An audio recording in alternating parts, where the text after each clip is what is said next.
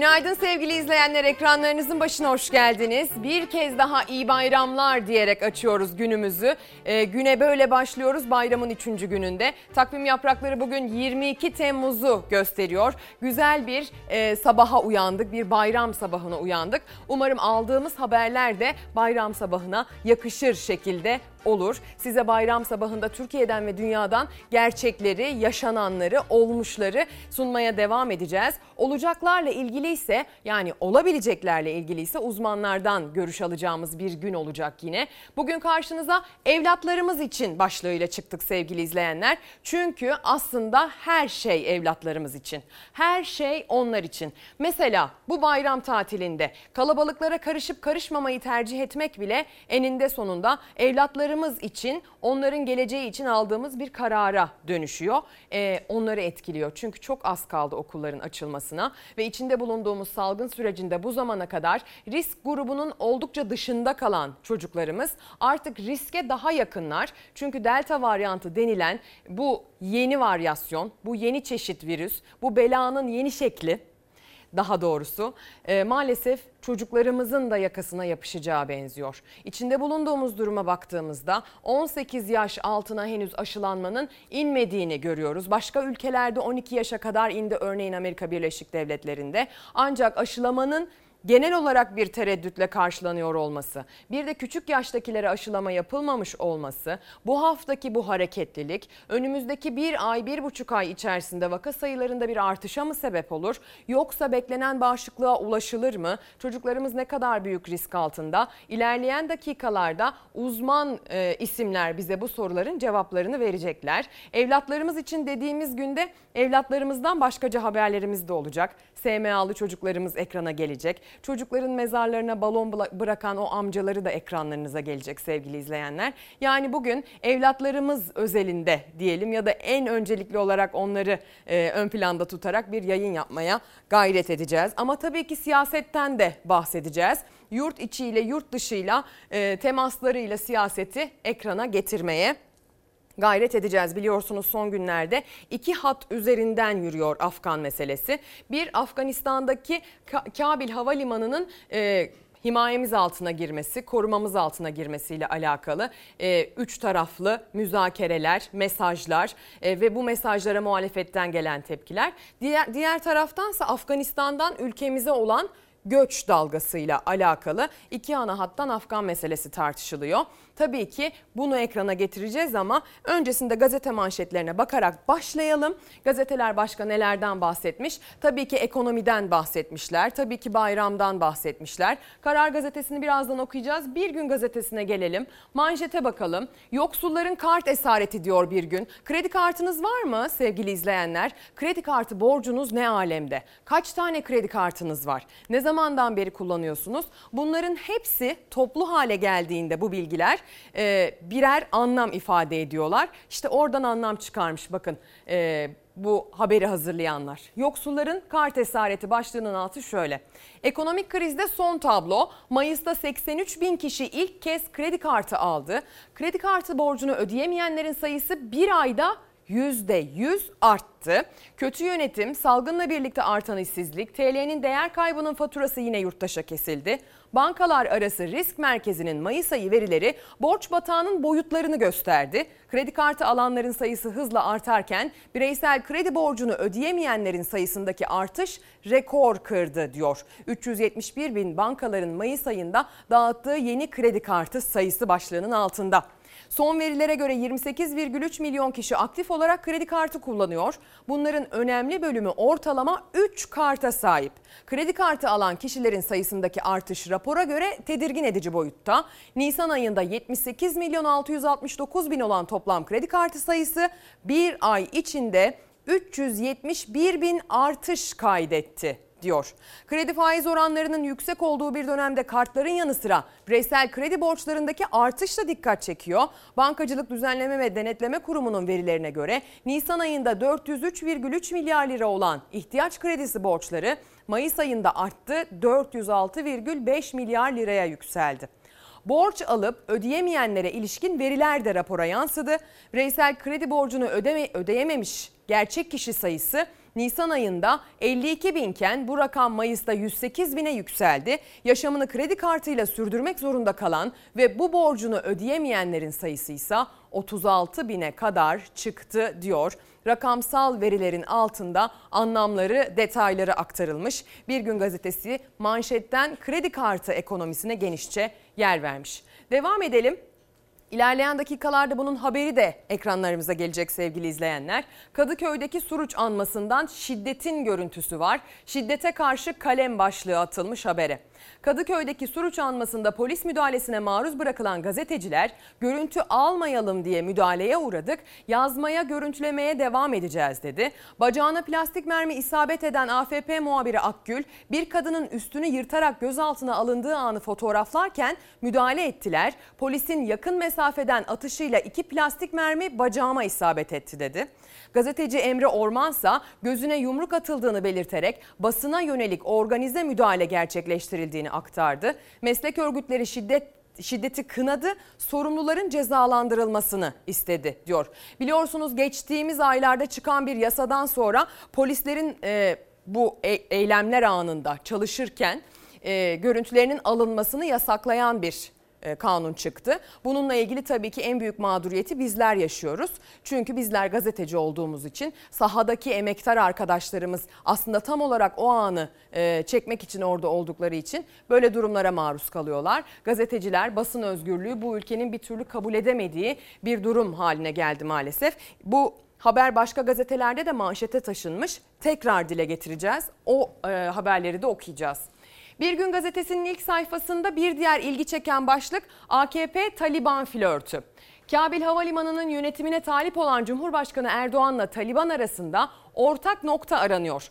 Erdoğan'ın Taliban güçleriyle bir sıkıntılarının olmadığını vurgulayan sözlerine örgütün sözcüsü Mücahit'ten yanıt gecikmedi. İyi ilişkiler içinde olmayı arzu ediyoruz. Türkiye bizim kardeşimiz, inanca dayalı pek çok ortak noktamız var dedi. Ancak yine de Kabil Havalimanı'nın yönetimiyle ilgili de topa bastı. E, orayı bize kendimize, yönetimimize, egemenliğimize müdahale sayarız. Eğer oranın yönetimini alırlarsa dedi. Yani aslında e, Cumhurbaşkanı Erdoğan'ın sözleri eleştirilmişti. Taliban'la e, Türkiye'yi Taliban yönetimiyle Türkiye'deki yönetimi din ekseninde bile olsa aynı kefeye koyması muhalefetin eleştiri toplarına maruz kalmıştı. E, o düzeye çekilmesi bu ilişkilerin her ne kadar bir diplomasi çabası olsa da denerek eleştirilmişti. Karşı taraftan gelen cevaba da sevinsek mi, üzülsek mi bilemedik. Nasıl ki Amerika ile bazı görüşmeleri Taliban yaptıysa herhalde Taliban Türkiye ile bu görüşmeleri çok daha rahat yapması lazım. Çünkü Türkiye onun inancıyla alakalı ters bir yanı yok. Türkiye ile iyi ilişkiler istiyoruz. Türkiye bizim kardeşimiz. İnanca dayalı pek çok ortak noktamız var. Cumhurbaşkanı Erdoğan'ın Taliban'la ters yanımız yok açıklamasının yankısı sürerken Taliban sözcüsü Zabihullah Mücahit konuştu. Türkiye ile iyi ilişkiler istiyoruz dedi. Destek istedi ama Kabil Havalimanı'nın güvenliği konusunda dışarıdan bir gücün varlığı iç işlerimize müdahale olur diyerek kapıyı kapattı. Kabil Havaalanı'nın diplomatik misyonların ve elçiliklerin güvenliği Afganların sorumluluğunda. Aksi bir tutumu ülkenin iç işlerine müdahale olarak değerlendiririz. Amerika'nın Afganistan'dan çekilme kararı sonrası Türkiye, Taliban'ın etkinliğini artırdığı, tansiyonun yeniden yükseldiği bölgede Kabil Havalimanı'nın güvenliğini sağlamaya, işletmesini yapmaya Amerika'nın teklifi üzerine sıcak baktığını duyurdu. Diplomasi noktasında Amerika bizim yanımızda yer alacak. Lojistik noktasında imkanlarını bizim için seferber edecek. Çok ciddi bir mali noktada, idari noktada sıkıntılar olacak. Eğer bunlar sağlanabilirse biz Türkiye olarak bu süreçte Kabil havaalanının işletimini ele almayı düşünüyoruz. Cumhurbaşkanı Erdoğan, Kabil Havalimanı'nın güvenliği ve yönetimi için 3 şartı açıklarken Taliban sözcüsü Zabihullah Mücahit de TRT Arabi'ye konuştu. Kabil Havalimanı'nın sorumluluğu Afganlarındır dedi. Taliban'ın bazı rahatsızlıkları söz konusu. Türkiye onun inancıyla alakalı ters bir yanı yok. Onlarla bu konuları daha iyi görüşeceğimize, anlaşabileceğimize ihtimal veriyorum. Türkiye'nin geçmişi bırakıp bugüne ve geleceğe dönmesini istiyoruz. Ondan sonra diyalog isteyebiliriz. Cumhurbaşkanı Erdoğan'ın inanç vurgusuyla Taliban'la görüşürüz anlaşırız açıklaması. Taliban sözcüsünün yeni bir döneme işaret ederek verdiği diyalog mesajı. İçişlerimize müdahale olur ifadesiyle Kabil Havalimanı'nın güvenliği için Afganistan'da Türkiye'yi istememesi. Durum daha da karmaşık hale geldi. Durum gerçekten oldukça karmaşık hale geldi. Cumhurbaşkanı Erdoğan'ın sözleri eleştirilmişken karşı taraftan kardeşimiz şeklinde bir çıkışın gelmesi düşündürdü. Sonrasında topa basan bir açıklama. Bunu egemenliğimize bir e, müdahale sayarız. Bunu yönetimimize bir müdahale sayarız denmesi ayrıca düşündürdü. Gerçekten karma karışık bir diplomasi e, yumağına dönüştü şimdilik bu durum. E, tabii ki Türkiye için çok önemli nasıl neticeleneceği, Mehmetçiğin oraya gidip gitmeyeceği, Mehmetçiğin oraya gidip gitmesi konusundaki gereklilik e, konusu gerçekten çok tartışılacak ve Türkiye için çok önemli bir konu. Devam edelim. Kıbrıs'taki biliyorsunuz iki günlük ziyareti söz konusuydu Cumhurbaşkanı Erdoğan'ın. 20 Temmuz bayramına, Özgürlük ve Barış Bayramı'na orada e, etkinliklerine katıldı. Beraberindeki isimler de tartışıldı. Vereceği müjde merak edildi. Müjdesini verdi. Konuşmalar, açılışlar yaptı. Her konu başlığı ayrıca masaya yatırılıp tartışıldı tabii ki. Her zaman olduğu gibi, her ülkede olduğu gibi. Bir de dün Maraş'la ilgili yaptığı bir açıklama vardı. Bu da çokça tartışılan bir şey haline geldi sevgili izleyenler. Hatta bu artık sınırlarımızın dışına taşan bir tartışma konusu haline geldi. Başkentlerde Maraş alarmı başlığını atmış ilgili habere Karar Gazetesi. Erdoğan kapalı Maraş'ın %3,5'luk bir kısmının açılacağını duyurdu. Hızla mesafe almamız lazım, rahatsız olmaya başladılar dedi. Maraş açılımı tepki dalgasına yol açtı. AB, ABD, Rusya, İsrail ve İngiltere gibi çok sayıdaki ülke geri adım çağrısı yaptı. Ankara Brüksel'e gerçeklerden kopuksunuz yanıtı verirken Fransa konuyu Birleşmiş Milletler Güvenlik Konseyi gündemine getireceğini duyurdu diyor. E, Maraş açılımıyla alakalı haberler pek çok gazetenin ilk sayfasında bugün var. Çünkü bu konu geniş yankı buldu sevgili izleyenler. Bir diğer gazeteden devam edeceğiz. Yine ilk sayfasında konuyu ele alan Akşam Gazetesi konuyu manşetten ele aldı ve bakın nasıl ele aldı. Kıbrıs Türk Devleti var. Erdoğan Kıbrıs'ta artık kuzey güney yok dedi şeklinde aktarmış haberi e, Erdoğan'ın sözleriyle. Başkan Erdoğan sadece Türk tarafının barış için çaba gösterdiğine dikkati çekerek artık bizim için Kuzey Kıbrıs, Güney Kıbrıs diye bir olay kalmamıştır dedi diyor. AK Parti teşkilatıyla bayramlaşmasında yeni döneme işaret eden Erdoğan, Lefkoşa dönüşü kritik mesajlar verdi. Olumlu cevap vermediğimiz sürece Rumların NATO'ya girmesi mümkün değil. Bunu Yunanistan için yaptılar ama bu artık söz konusu olamaz dedi. Türkiye'den Kuzey Kıbrıs Türk Cumhuriyeti'ne denizin altından su getiriyoruz ve bir meydan okuma yapıyoruz. Rumlara diyoruz ki isterseniz size de buradan su verebiliriz. Adını da Barış Pınarı koyarız. İsteyemediler. Hala tankerlerle Yunanistan'dan su getiriyorlar dedi diyor. Akşam gazetesi konunun Maraş parantezini açmamış ama gelin biz açalım. Cumhurbaşkanı Erdoğan Maraş'ta hayat yeniden başlayacak dedi ya hani. Kıbrıs Rum, Rum kesiminden, Yunanistan'dan, Amerika'dan, İngiltere'den, Fransa'dan gelen tepkiler. Maraş'ta hayat yeniden başlayacaktır. Mülkiyet haklarına riayet edilerek artık Maraş'ta herkesin yararına olacak yeni bir dönemin kapıları açılacaktır. Erdoğan'ın Maraş'ta hayat yeniden başlayacak açıklaması Batı dünyasını ayağa kaldırdı. Başta Kıbrıs Rum yönetimi ve Yunanistan olmak üzere Amerika, İngiltere, Fransa ve Avrupa Birliği Birleşmiş Milletler Güvenlik Konseyi'ni devreye sokmak üzere harekete geçti. Maraş açılımının ikinci aşamasını hayata geçirdik. Maraş açılımı esasen bir barış projesidir. İki halkın yararına olacak bu girişimi kara propaganda girişimi yapmak nafiledir. Cumhurbaşkanı Erdoğan Kuzey Kıbrıs Türk Cumhuriyeti ziyaretinde barış harekatından bu yana yerleşime kapalı olan Maraş'ın açılmasıyla ilgili yeni dönemi işaret etti. İlk tepki Kıbrıs Rum yönetimi ve Yunanistan'dan geldi. Fransa, İngiltere, Avrupa Birliği ve Amerika da onları takip etti. Amerika Birleşik Devletleri Dışişleri Bakanı Antony Blinken Türkiye'yi bu adımdan vazgeçmeye çağırdı. Amerika Birleşik Devletleri Kıbrıs'ta Türklerin Türkiye tarafından desteklenen tutumunu provokatif, kabul edilemez ve krizi çözmek için yapıcı görüşmelere katılma sorumluluğuyla bağdaşmayan bir tutum olarak görüyor. Blinken konunun Birleşmiş Milletler Güvenlik Konseyi'ne taşınacağını ve güçlü bir yanıt için çağrı yapacaklarını duyurdu. İngiltere Dışişleri Bakanlığı da Ankara'nın kararını endişe verici buldu. Konuyla ilgili Birleşmiş Milletler Güvenlik Konseyi kararını hatırlattı. Artık bizim için Kuzey Kıbrıs, Güney Kıbrıs diye bir olay kalmamıştır. Bizim için sadece Kıbrıs Türk'ü kardeşlerimizin mevcut sıkıntıları içindeki bağımsız devletler vardır. Avrupa Birliği Dış İlişkiler ve Güvenlik Politikaları Yüksek Temsilcisi Josep Borrell, açılma kararının Maraş'ın statüsünü değiştirmeye yönelik tek taraflı ve kabul edilemez bir adım olduğunu söyledi. Kuzey Kıbrıs Türk Cumhuriyeti makamlarının Maraş konusunda aldığı kararlara desteğimiz tamdır. Bu kararlar Maraş'ta mülk sahiplerinin de haklarını korumaya yöneliktir. Sayın Cumhurbaşkanımızın da belirttiği gibi bu kararlar yeni mağduriyetler yaratmayacak, eski mağduriyetleri bertaraf edecektir. Dışişleri Bakanlığı batıdan gelen tepkiler karşısında geri adım atılmayacağı mesajını verdi. Cumhurbaşkanı Erdoğan'ın verdiği pek çok mesajın içerisinde aranan en önemli detaylardan birisi Bülent Ecevit'in adının geçip geçmediği ile alakalıydı. Konu sosyal medyada da çokça konuşuldu sonrasında. Tabii ki CHP'den buna tepki gecikmedi.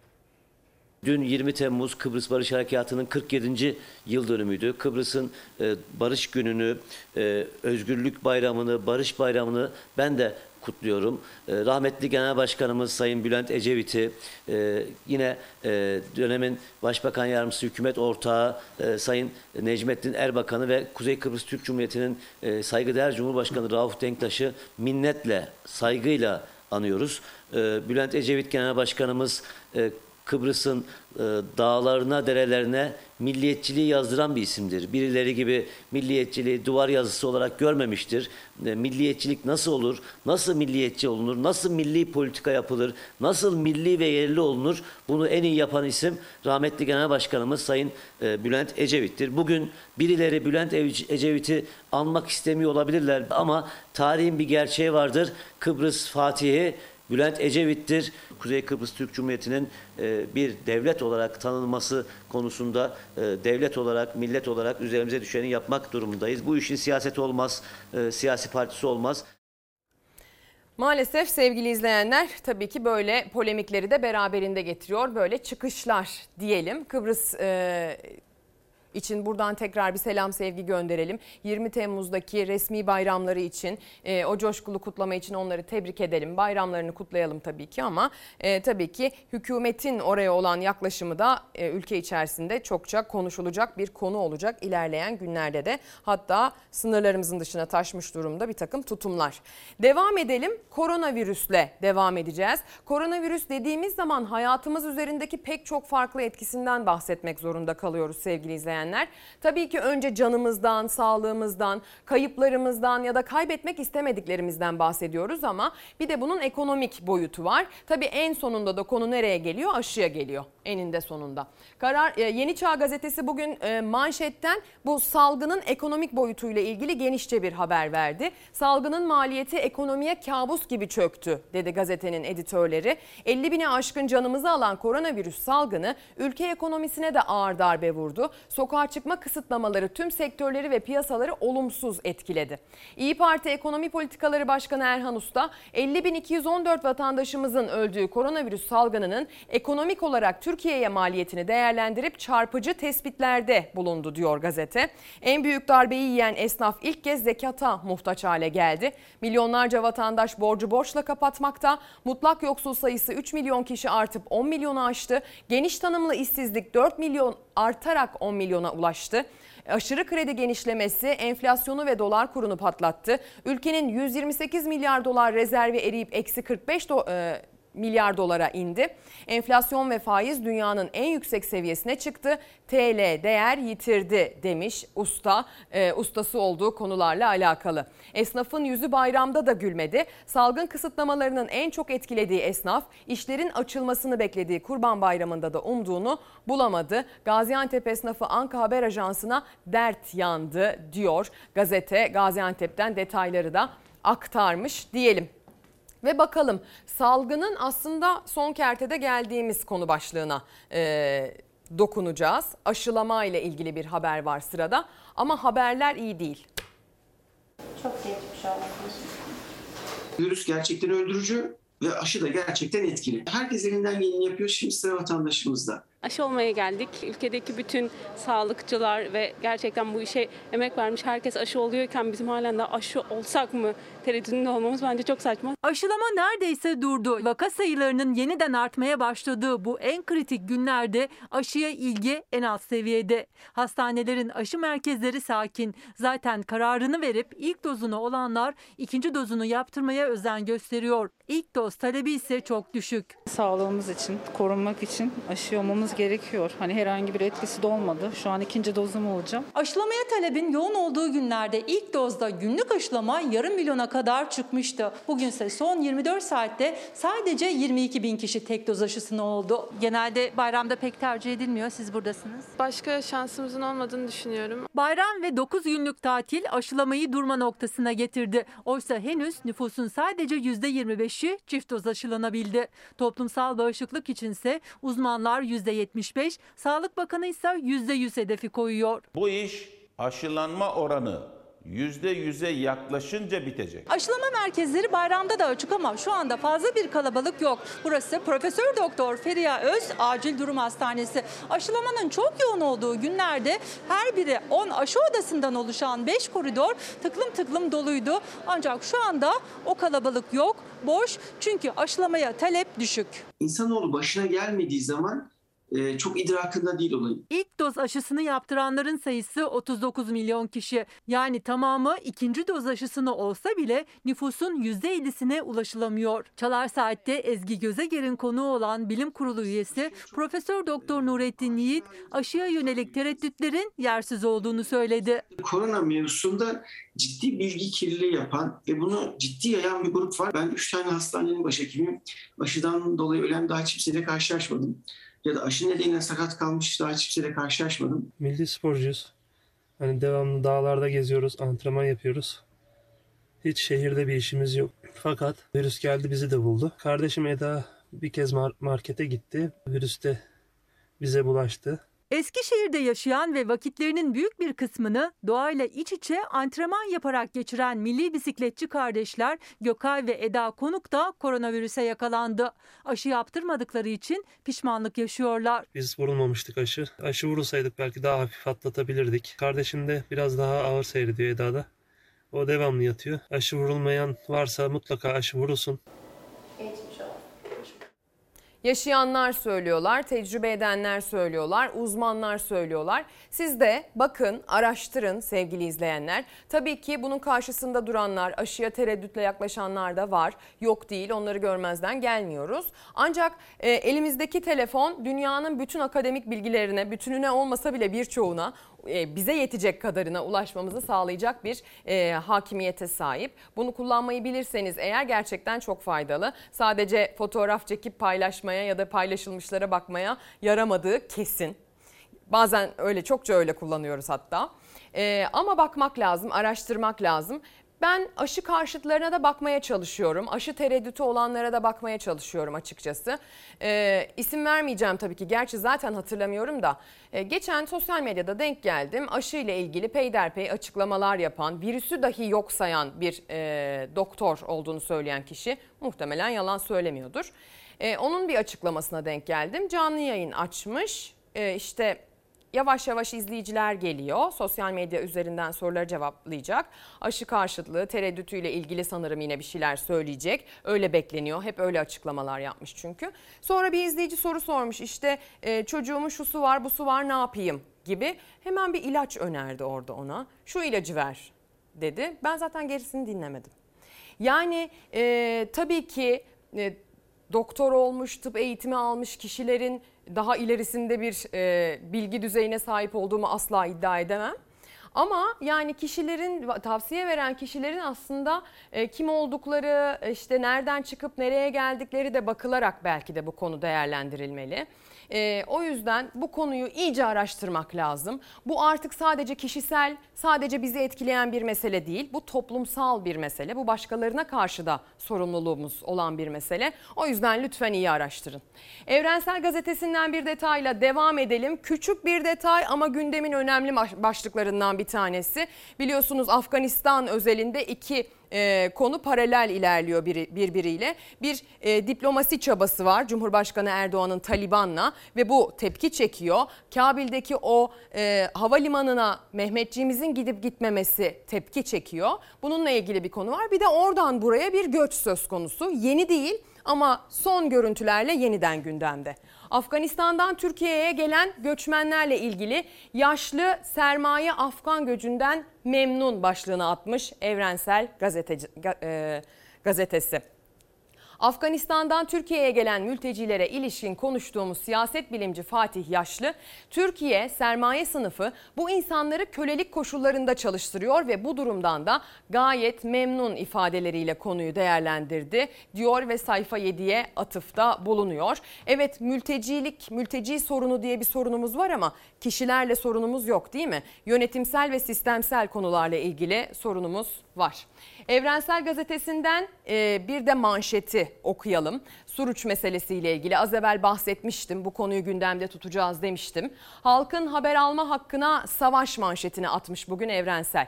Emniyet Genel Müdürlüğü'nün görüntü alınmasını yasaklayan genelgesi sonrası gazetecilere yönelik polis şiddeti sistemli hale geldi. Suruç anmasında polis şiddetiyle yaralanan gazeteciler bakın neler anlatmışlar.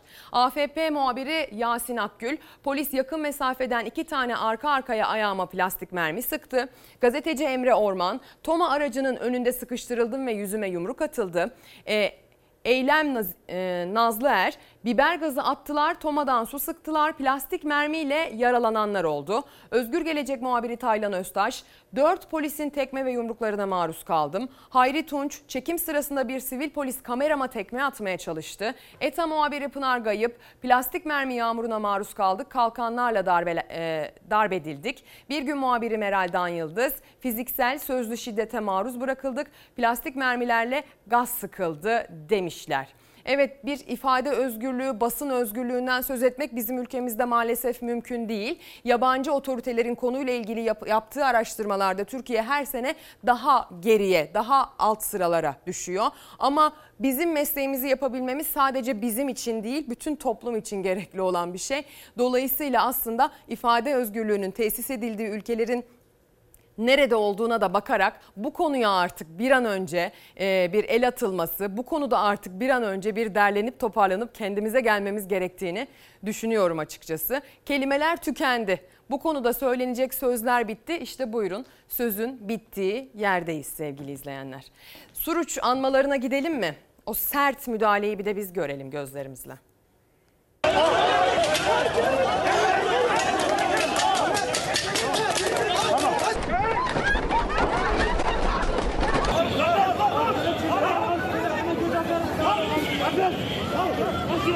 İstanbul, Ankara, İzmir Suruç katliamının 6. yılında anma programlarına, yürüyüşlere polis müdahale etti. Onlarca kişi darp edilerek gözaltına alındı.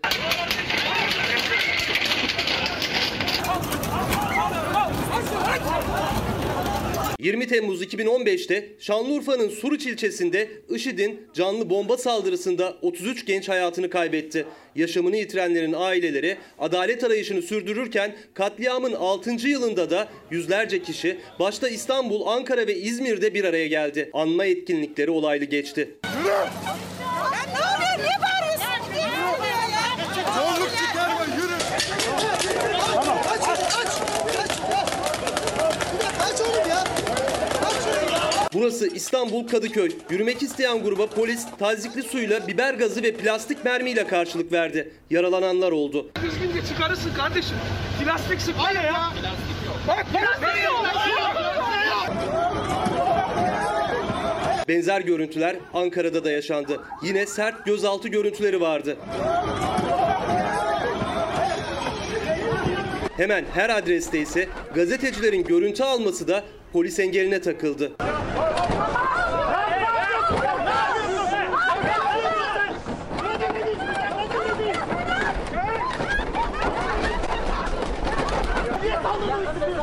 Polise saldırmadı bunlar. Çekme diyorum ya çekme. Nereye itiyorsun? Kapat kapat. Gazeteciyiz biz. Avukatım var. Delil topluyorum. Çekeceğim tabii ki ya. Kadıköy'deki müdahalede polisin eylemcileri köşeye sıkıştırarak kalkanlarla darp ettiği görüntüleri ise Medyaskop yayınladı.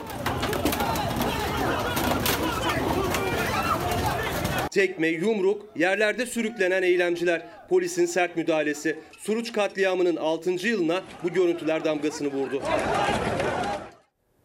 Bakın bu çok zor bir iş. Yani katliam başka bir acının konusu. Katliamın yıl dönümünde bunların yaşanıyor olması başka bir acının konusu. Bu başka bir acı. Yani bu gerçekten kelimelerin tükendiği bir yer sevgili izleyenler. Ee, gazeteciliği gazeteciler sadece kendileri için yapmıyorlar. Bu toplum için lazım olan bir şey.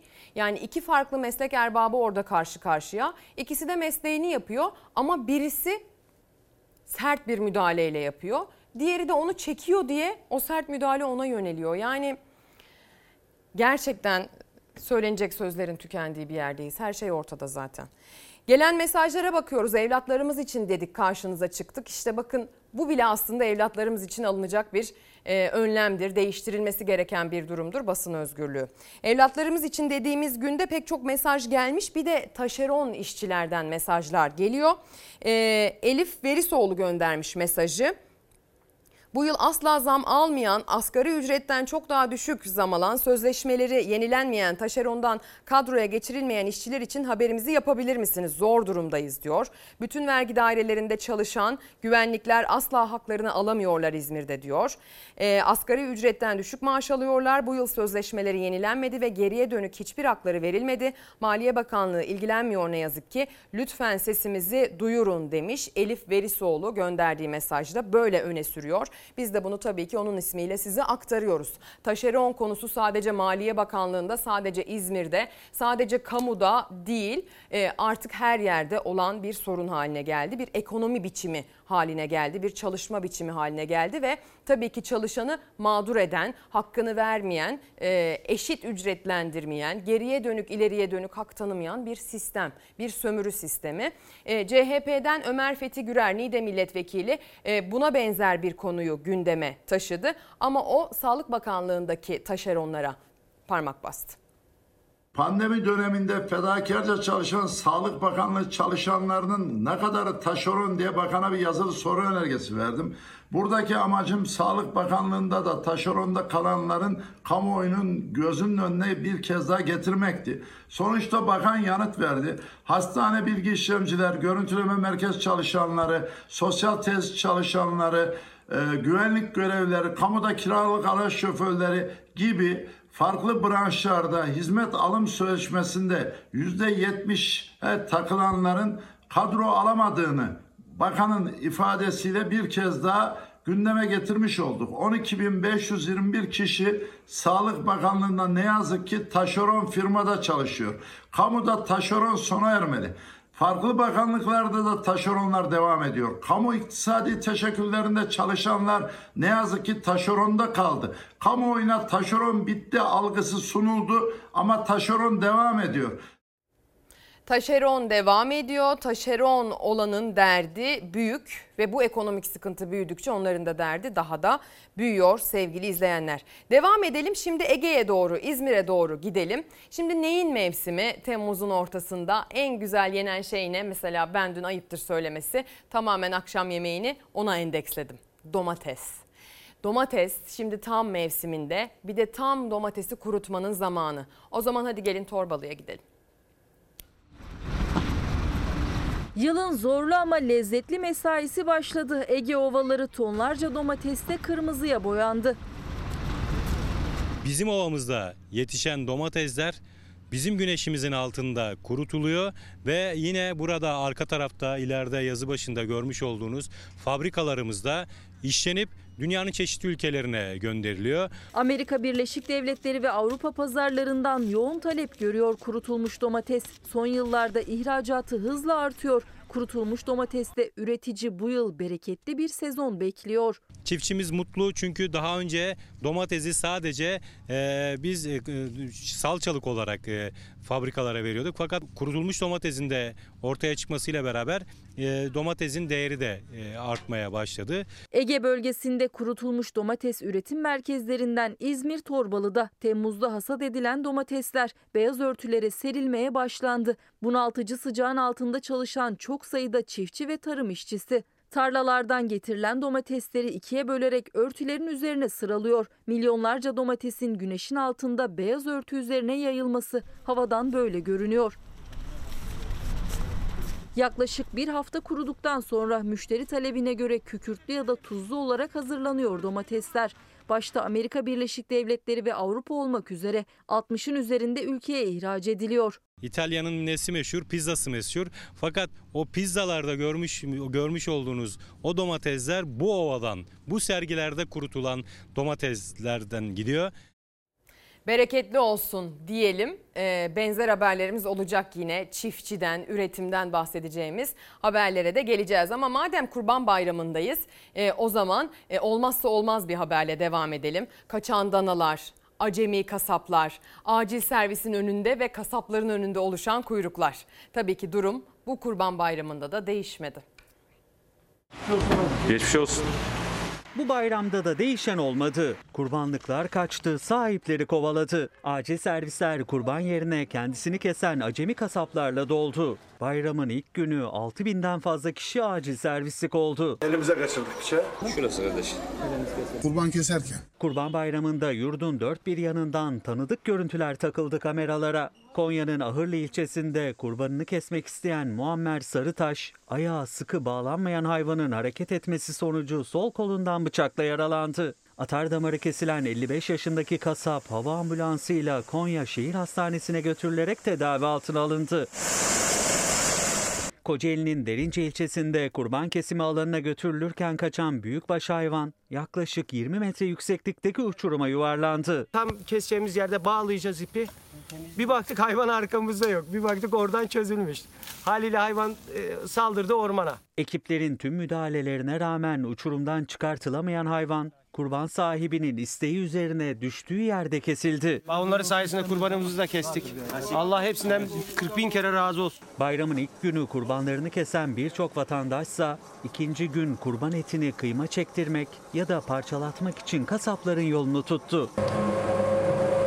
Sabah erken saatlerde geldik. Mesaimiz devam ediyor. Kıyma olarak, kuşbaşı olarak vatandaşa hizmet ediyoruz. Satacağımız yerlere vermek için de etlerimizi kasaba getirdik. Et satışı bayram nedeniyle duran kasaplar et işlemeyle açıklarını kapatmaya çalışıyor. Kasaplar kıymanın kilogramını 3 liradan çekerken 1 kilogram etin işlenmesi ise 6 liradan yapılıyor. Bu görüntü ise Zonguldak'ta çekildi. Her yıl Kurban Bayramı süresince ücretsiz kıyma çekerek vatandaşlara hizmet veren bir market geleneği bu Kurban Bayramı'nda da sürdürdü. Marketin kapısında uzun kuyruklar oluştu. Kolay gelsin diyelim. Bugün artık bu telaş için son gün. Kurbanlıklar satıldı mı, alındı mı, alınabildi mi? Ucuza denk getirmek mümkün oldu mu? Buna dair de haberlerimiz olacak ilerleyen dakikalarda. Bugün kurban e, bu bayramda kurban pazarlarından yükselen sesler sanki bana öyle geliyor ki önceki kurban bayramlarına göre biraz daha fazla dert yanar cinsten. Ankara Pursaklara gideceğiz. Bir kaçan kurban e, hikayesi var ama asıl e, sorun şu. Kurbanın peşinden giden genç 20 yaşında bir tıp öğrencisi kayboldu.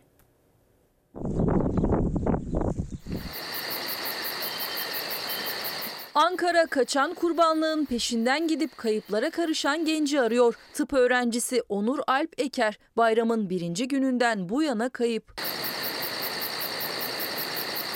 Bu görüntüler 19 yaşındaki Onur Alp Eker'in şimdilik son görüntüleri. Kırıkkale Üniversitesi Tıp Fakültesi öğrencisi Onur Eker bayram tatili için annesiyle birlikte Ankara'daki dedesi Zühtü Erdoğan'ın yanına geldi. Kurbanlık koyunu ahırdan çıkarırken kaçınca Onur Eker de peşine düştü. Ormanlık alanda yok oldu. Bir yarım saat bekledim. O iyice uzaklaşmış. Sonra bir araç buldum gittim daha da bulamadım. Kısa süre sonra annesini aradı Onur. Ben yolumu kaybettim. Bana konum at dedi. Ardından telefonunun şarjı bitti. O andan itibaren de bir daha haber alınamadı Onur'dan. Geri gelmeyen torununu merak eden Zühtü Erdoğan çevredekilerle birlikte aramaya başladı. Sonra da arama kurtarma ekipleriyle birlikte. Ancak Onur'dan iz yoktu. Sadece bir evin güvenlik kamerasına yakalanan bu görüntülere ulaşıldı. Görüntülerde Eker'in yürümekten yorgun olduğu ve yavaş hareket ettiği görüldü. Bayramın ikinci gününde de helikopter destekli termal kamera ve drone kullanılan çalışmalar sonuçsuz kaldı. Aramalar bugün de devam edecek. İnşallah iyi bir haberini de vereceğiz o gencin sevgili izleyenler. Şimdi sırada bir çağrı var. ÖTV çağrısı. Sivil ve tak, sivil araç ve taksiler başta olmak üzere tüm araçlardan ÖTV kaldırılsın diyor Bendevi Palandöken. Kullandığımız araç bu işte bakın. Kaç yaşında? 2016 model araba bu. Ticari olunca illaki değiştirmek lazım yani her 5 senede bir imkanımız oldukça. ÖTV kalksa rahatlıkla değiştirebiliriz yani. Araçlarda ÖTV indirimine artık ihtiyaç var. Uzun zaman geçti aradan. Ekonominin canlanması için motorlu taşıtlar çok önemli. Ticari araç sahipleri de esnaf temsilcisi Bendevi Palandöken de aynı çağrıyı yapıyor hükümete. İstekleri başta ticari araçlar olmak üzere binlerce kişinin araç satın alırken %50, %170 arasında ödediği ÖTV'ye indirim yapılması. 4 yıl gibi bir aradan sonra ÖTV'de, KDV'de bir düzeltme yapılırsa ekonomide veya gelirlerde bir azalma olmayacak. Çünkü fiyatlar %200'leri bulan artışlarla piyasalara intikal ediyor. Şimdi artık insanlar ticari taksilerini yenileyecekler. ÖTV indirimi yapılsa aracınızı değiştirir misiniz? Elbette ki değiştiririz. Türkiye'de biliyorsunuz 3 araç alınıyor, ikisi devlete veriliyor. Birini araç alan kullanıyor. Bu araç ÖTV siz 57 bin liraya alındı. Şu anda bu araba 257 bin lira. Bütün kazancımız devlete gidiyor. Sanayiye gidiyorsun. Bir arabanın bakımı en kötü 2000 liraya çıkıyor. Yıl boyu topladığın zaman 20 bin 30 bin lira para yapıyor yani. Ben ÖTV'den faydalanacağım 150 bin lira. 300 bin lira arabam sıfırlanacak yani. Avrupa'nın hatta dünyanın en yüksek otomobil vergisi ödenen Türkiye'de araç fiyatı 130 bin lira üzerindeyse %80'lik ÖTV dilimine giriyor. Bir de onun üzerine %18 KDV uygulanıyor. Türkiye Esnaf ve Sanatkarlar Konfederasyonu Başkanı Bendevi Palandöken de hem ticari hem de hususi araçlar için ÖTV indirimi istiyor. Benim aracım şu an 12 yaşında. Değişim zamanı Çoktan geldi de geçiyor bile. çok masraf çıkarıyor mu aracınız? E ister istemez yorgun. Bir yere kadar dayanırız, bir yerden sonra dayanamıyoruz. İşte yeni çıkan araçların piyasaya intikaliyle hazinenin geliri azalmayacak. ÖTV'lerdeki indirim piyasaları rahatlatacak. Kamyonda %4, otobüste %1, minibüste %9 oranında ÖTV uygulanıyor. Ama iş ticari ve şahsi alanlarda kullanılacak binek araçlara geldiğinde rakam %50, %170 oranına kadar çıkıyor. araçlarımızı değiştiremiyoruz bu ÖTV oranından dolayı. Daha önce bir 2019'da böyle bir şey uygulandı. Tabii biz o zaman yararlanamadık. Biz araçların bu kadar fiyatlanacağını düşünememiştik. Yanlış yaptık. 50 bin liraya alacağımız araç 200 bin lira oldu. Örneğin net fiyatı 233.473 lira olan bir araç %80'lik ÖTV dilimine giriyor. Yani vatandaşın cebinden 186.778 lira ÖTV çıkıyor. Diğer vergiler eklenince 233 bin liralık olan aracın anahtar teslim fiyatı da 497 bin liraya yükseliyor. Bekliyorum dört gözle kalkmasını. En azından yani yarı yarıya düşecek fiyat. Sıfır araba 250 bin, 300 bin lira. Ama ÖTV gelse 160'a 150'ye araba alacağız biz. Vakti geldi. Kazandığımızı sanayiye veriyoruz. Bir ön takım bilyalar falan aracın komple değişti mi 2-3 milyar para gidiyor yani. 2-3 ayda bir ön takım bozuyor bu ticari araç. Günde 600-700 kilometre yapıyor. Ticari aracı olan da hususi aracı olan da ÖTV indirimi istiyor. Gözler iktidara çevrildi. Reklamlardan sonra devam edeceğiz. Saatler 9 oldu. Takvim yaprakları 22 Temmuz diyor. Bugün günlerden Perşembe ve sevgili izleyenler bayramın 3. gününde iyi bayramlar dilekleriyle karşınızdayız yine. Günaydın diyelim, iyi bayramlar diyelim. Sesimizin, görüntümüzün ulaştığı her yere bu iyi dileklerimizi gönderelim. Birbirimizin gününü iyi etmeye çalışalım. Bugün evlatlarımız için dedik. Siz de evlatlarımız için mesajlar gönderdiniz. Reklam arasında çokça mesajlarınıza bakma fırsatım oldu. İlerleyen dakikalarda evlatlarımız için özel yayınlar da yapacağız. Bir çocuk doktoru konuğumuz olacak Abdurrahman Yıldırım. Kendisine sorularımızı yönelteceğiz. Biliyorsunuz yapılan araştırmalar var. Delta varyantının çocuklar üzerindeki etkisinin, gençler üzerindeki etkisinin yoğun olduğuna dair bir takım araştırmalar var. Çocukların artık aşılanması gerektiğini söyleyen uzmanlar var. Çocukları aşılamaya başlayan ülkeler var. Aşı yaşını 12'ye kadar düşüren ülkelerden de söz edeceğiz. Bir de yaklaşan bir gerçek var. Çocuklarımızın canı, sağlığı bir de eğitimi söz konusu biliyorsunuz. Çok az kaldı okulların açılmasına. Dolayısıyla bu konuyla ilgili tartışmakta belki de geç bile kaldık. Konuyu masaya yatırmak gerektiğini düşündük. Ve de bugünün bayramın, bu bayram tatilinin, bayramı tatil olarak değerlendirenler için de, bayram olarak değerlendirenler için de e, herkes için bir de hava durumundan bahsediyor olacağız. E, hava durumundan bahsederken Düzce'deki selden dün yaptığımız uyarıdan sonra yaşanan e, o küçük çaplı mağduriyetten de söz edeceğiz. Çin'deki felakete de bakacağız. Çin'den gelen görüntüler gerçekten akıllara durgunluk veren cinsten sevgili izleyenler. Çin'de öyle bir sel felaketi yaşandı ki dün sabah saatlerinde de burada size aktardık. O zaman e, yaşanan vefatların sayısı bu kadar yüksek değildi. Maalesef felaket 25 kişinin ölmesine sebep oldu.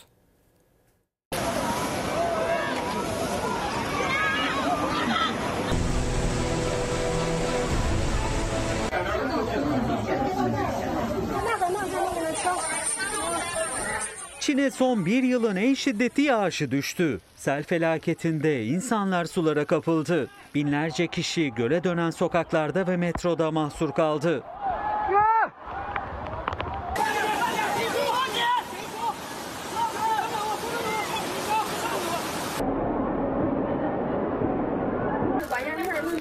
Dünyada birçok ülkeyi vuran sel felaketinin sonuncusu Çin'de yaşandı. Henan eyaletine 3 gün içinde bir yıllık yağış düştü. Nehirler taştı, sokaklar göle döndü, otomobiller sürüklendi.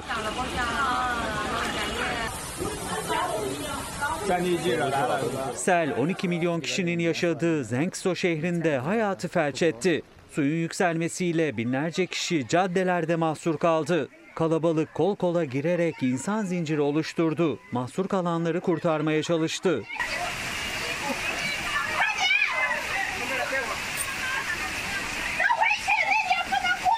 Şiddetli akıntıya karşı ayakta durmak zordu. Onlarca kişi suya kapıldı.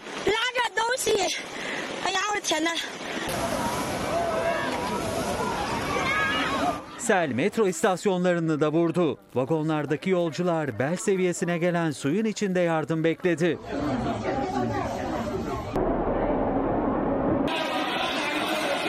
Yüzlerce kişi de metro tünelinde mahsur kaldı. İtfaiye ekipleri mahsur kalanları kurtarmak için aralıksız çalıştı. Sel felaketinde şu ana kadar 25 kişi hayatını kaybetti. Henan eyaletinde 100 bin kişi bölgeden tahliye edildi. Gördüğünüz gibi küresel iklim değişiminin yaşattıkları sevgili izleyenler bu aşırı yağışlar, şehir selleri, yaşadığımız kayıplar, verdiğimiz canlar her geçen gün artıyor. Her geçen gün farklı farklı yerler yerlerden sel görüntüleri geliyor. Çin'den daha önce de sel görüntüleri geldi. Gelmedi değil. Bizim ülkemizde de yaşanıyor. Başka ülkelerde de yaşanıyor. Artık bir kriz var. Bu krizi yönetmek gerekiyor. Taşın altına eli koymak gerekiyor. Evlatlarımız için dediğimiz günde pek çok mesaj gönderdiniz. Olimpos'tan Kadir Kaya selam sevgisini iletmeyi eksik geçmemiş sağ olsun. Oradan buradan kendisine de selam sevgi bayramlar dileklerimizi gönderelim. Pek çok mesaj var. Mustafa Ako, Ako'ya diyor ki yurt dışından aşısız gelenler aşı girişlerine izin veren aşısız girişlere izin verenler yüzünden evlatlarımız için torunlarımız için endişeliyiz diyor. Ee, Bir diğer izleyicimiz Nur Toksöz, günaydın 5 aylık minik bir kızımız var demiş Allah bağışlasın. Delta varyantı çıktığından beri çok endişeleniyorduk. Ee, Dün eşimle ikinci dozları da olduk şükür. Darısı diğer herkesin başına demiş. Delta varyantının çocuklar üzerindeki etkileriyle ilgili ilerleyen dakikalarda bir konuğumuz olacak. İzmir'den, Adana'dan, Bursa'dan selamlarınızı aldık. Kadıköy'deki Suruç katliamının yıl dönümünde yapılan gösteri ve basın açıklamasına kalkanlarla e, plastik mermilerle polis müdahale etti diyor Muharrem Karayalçın ve polisten bir açıklama beklediğini dile getiren bir mesaj göndermiş. Pek çok mesaj gelmiş. Günaydın dilekleri, iyi bayramlar dilekleri, atanamayanlar yine ekran başında ya da ataması yapılmayanlar demek belki de daha doğru. Atanmayanlar demek daha doğru. E, mesajlarınıza bakmaya devam edeceğiz. Ama hazır selden bahsetmişken e, hazır bu yaşanan e, ölümler için Çin'e bir başsağlığı dileği göndermişken bilmiyoruz biraz uzak ulaşır mı ama e, biz de benzerlerini yaşıyoruz biliyorsunuz ki Allah beterinden korusun. Geçtiğimiz hafta Rize'de yaşandı. Hala yankıları, hala yaraları sarmaya dair çalışmalar, hala kayıpların bulunmasına yönelik çalışmalar devam ediyor. Ve oradan hala e, ekranlara henüz yansımamış çarpıcı görüntüler de gelmeye devam ediyor. Ver bana bir. Al müdürüm oraya bir bakın. Işığı Yok, bir kapat- ayar... Dur kapatma. Yok kapatma. Şey kafanıza dikkat edin. Işığı ayarlayayım ben. Tamam. Işık lazım çünkü Şu burada. ayağınızın altını biraz daha boşaltayım mı? Bura çok dar. Şey yapamaz. Dur. Arabada kimse varsa bir yere vursun. Ekipler yıkılan binanın enkazında buldukları her boşluktan seslendi. İçeriden gelecek bir ses için umutla beklediler. Rize'de selin hemen sonrasında yapılan çalışmaları arama kurtarma ekiplerinin kamerası kaydetti. Kafamı soksam arabanın içini göreceğim ha. Tamam da ama işte üstte şey var müdürüm. Merkeze bağlı Muradiye beldesinde heyelan nedeniyle yıkılan 3 katlı binanın enkazında yapılan çalışmalarda Cemal ve Hacere Mert çiftinin cansız bedenlerine ulaşıldı. Moloz yığınlarının altında Batuhan Deli Hasan'a ait araç da vardı. AFAD ekipleri binanın moloz yığınlarının altında bulabildikleri her boşluktan içeri girdi. İlerlemek güçtü. Ulaşabildikleri Batuhan Deli Hasan'a ait araçtı. AFAD görevlisi o küçücük boşluktan araca dokunabildi. Vurdu sesini duyurmaya. İçeride biri varsa sesini duymaya çalıştı. Özgür. Şuradan bir bak bakayım. İçeriye uzat. Bir saniye. Bir şey görünüyor mu? Kimse yoktu moloz yığınlarının altında. İçeri girmek kadar molozların altından çıkmak da güçtü. Bak bu taraf biraz daha bu taraf. Ha? Tamam. Bekle müdürüm kaskını alayım ki sen çıkasın. Ekipler günlerdir kayıp iki kişi aramaya devam ediyor. Ancak hala bir iz yok. İçişleri Bakanı Süleyman Soylu dün akşam saatlerinde bir kez daha afet bölgesindeydi. İncelemelerde bulundu. Geçen haftaki e, selden kaynaklanan riskli evler konusundaki hemen hemen riskli evlerin tamamı tahliye edildi. Bir kez daha geçmiş olsun. Bir kez daha başsağlığı dileğini iletelim. Rize'ye gerçekten yaşananlar kolay değil ve ilk defada yaşanmadı ve son olması temennisini de bir kez daha buradan iletmiş olalım. Son olması için tedbir alınması gerekiyor. Kriz olmadan krizden önce yapılabilecekler var. Riskleri azaltmak için yapılabilecekler var. Bunların yapılması gerekiyor. Sonrasında bir kriz yönetiminde başarılı olmak evet konuşulabilir ama kriz öncesinde neler yaptığımızda çok çok önemli afet yönetiminde. Devam edelim madem bugünün havası nasıl olacak diye devam edelim. Bugün de yine kuvvetli yağış konusunda uyarı yapmamız gereken yerler var. Dün itibariyle Batı Karadeniz için bir uyarı vardı. Onu dile getirmiştik. Doğu Karadeniz için bugünü işaret etmiştik. Bugün itibariyle Rize'den itibaren Doğu Karadeniz kıyılarında Artvin'e kadar Ordu, Giresun, Rize, Trabzon, Artvin çevrelerinde kuvvetli sağanak yağışa karşı hazırlıklı olmakta fayda var. Geçtiğimiz hafta yaşanan kadar olmayacağı öngörülüyor. Ancak bu bir öngörüdür. Doğu Karadeniz ve yağış ihtimali bir araya geldiğinde tedbiri en üst seviyede tutmanın kimseye hiçbir zararı olmaz sevgili izleyenler. Karadeniz'in batısı da yağışlı, orta ve batı kesimleri de yağışlı. Batısında da yine dün olduğu gibi kuvvetli yağış riski var. Ee, Zonguldak'ta, Bartın'da, Düzce'de bugün kuvvetli yağış ihtimaline karşı dikkatli olmaya devam etmemiz gerekiyor. İlerleyen dakikalarda kameralarımızı oraya da döndüreceğiz ama hava durumunu şöyle bir özetleyelim. İstanbul'da bugün yağış ihtimali görünüyor. Şu an Zeytinburnu'nda dışarıda henüz bir yağış görebilmiş değiliz. Zaten yağış ihtimalinin gün içerisinde e, Anadolu yakasına doğru kayacağından söz edebiliriz. Yani daha çok İstanbul'un doğusunda, Marmara'nın doğusunda bir yağış ihtimalinden söz ediyoruz bugün. Yer yer etkili olur, her yere bütüncül ve sürekli bir şekilde yağmaz. Aralıklı bölgesel bir yağıştan bahsediyoruz. Tabii ki yağışla birlikte kuzeyde ciddi bir serinleme devam ediyor. Dün bir, e, birkaç derece serinlemişti. Marmara bölgesi, Karadeniz bölgesi, iç kesimler, doğu. Bugün de yine benzer şekilde yurdun kuzey ve iç kesimlerinde yaklaşık 3-4 derecelik bir serinleme hissedilecek. Bu hissedilmede gerçekten çok önemli çünkü hissedilen sıcaklıklar aslında bize ne yapıyorsa yapıyor bu sıcak yaz günlerinde. Güneye doğru indiğimizde, doğuya doğru gittiğimizde e, sıcaklıkların arttığını, bunaltıcı havanın etkisinin bu genel serinlemeye rağmen devam ettiğini görüyoruz. Kendinizi sıcaktan korumanız gerekiyor uyarısını oraya da yineleyelim. Güneydoğu Anadolu bölgesi e, için en başta ve bunu söylememiz gerekiyor ve Güney Ege için sevgili izleyenler. Yarının havasından da bahsedeceğiz. Hatta cumartesinin havasından da bahsedeceğiz ama Batı Karadeniz'i uyardık. Dünkü uyarılarımıza istinaden görüntüler var. Onları bir izleyelim sonra sürdürelim. Şu anda sel altındayız. Ülke su altında. Çoğu evler gitti. Yurdun kuzeyinden sel, hortum, fırtına görüntüleri geliyor. Güneydoğusuysa kavurucu sıcaklarla mücadele ediyor. Cizre'de, Elazığ'da, Diyarbakır'da termometreler 50 derece sınırına dayandı. Meteoroloji verilerine göre son 60 yılın en sıcak günlerini geçiriyor Şırnak, Cizre. Dün termometreler 49 dereceyi gösterdi. 1998 yılında 48,5 dereceyle Türkiye'de sıcaklık rekoru kırmıştı. 23 yıl sonra ilçe kendi rekorunu kırmış oldu. İlçede saat 11-17 arasında hayat adeta duruyor. Esnaf dükkanını kapatıyor, kliması olan evden dışarı adımını atmıyor. Elazığ'da ise hava sıcaklığı 47 dereceye ulaştı dün. Cadde ve sokaklar boş kaldı. Bugün evden çıktığımda 45'i ben telefonda gördüm de yani hissedilen 49 civarı bir şey ama. Hakkını helal edin arkadaşlar. Şu anda sel altındayız Düzce'de. Yurdun güneydoğusunda kavurucu sıcaklar etkiliyken kuzeyde fırtına vatandaşlar için hayatı kabusa çeviriyor. Bartın'da ve Zonguldak Filyos beldesi açıklarında oluşan hortum korkuttu. Her iki ilde de çevreye zarar vermeden hortumlar yok oldu. Al Düzce sel altında. Allah'ım sen benim arabamı koru ya Rabbi. Fakat Düzce'de şiddetli yağış su taşkınlarına neden oldu. Dağ köylerinde taşan dereler nedeniyle menfezler tıkandı, tıkanan menfezler yolları kapattı. Yurdun geri kalanında da sıcak hava etkili. Parklar, bahçeler hemen her ağaç altı dolu. Deniz kıyısındaki şehirler biraz daha şanslı. İstanbul'da Menekşe plajında dün görüntülenen yoğunluk büyük şehirlerin sıcakla mücadele tablosu gibi.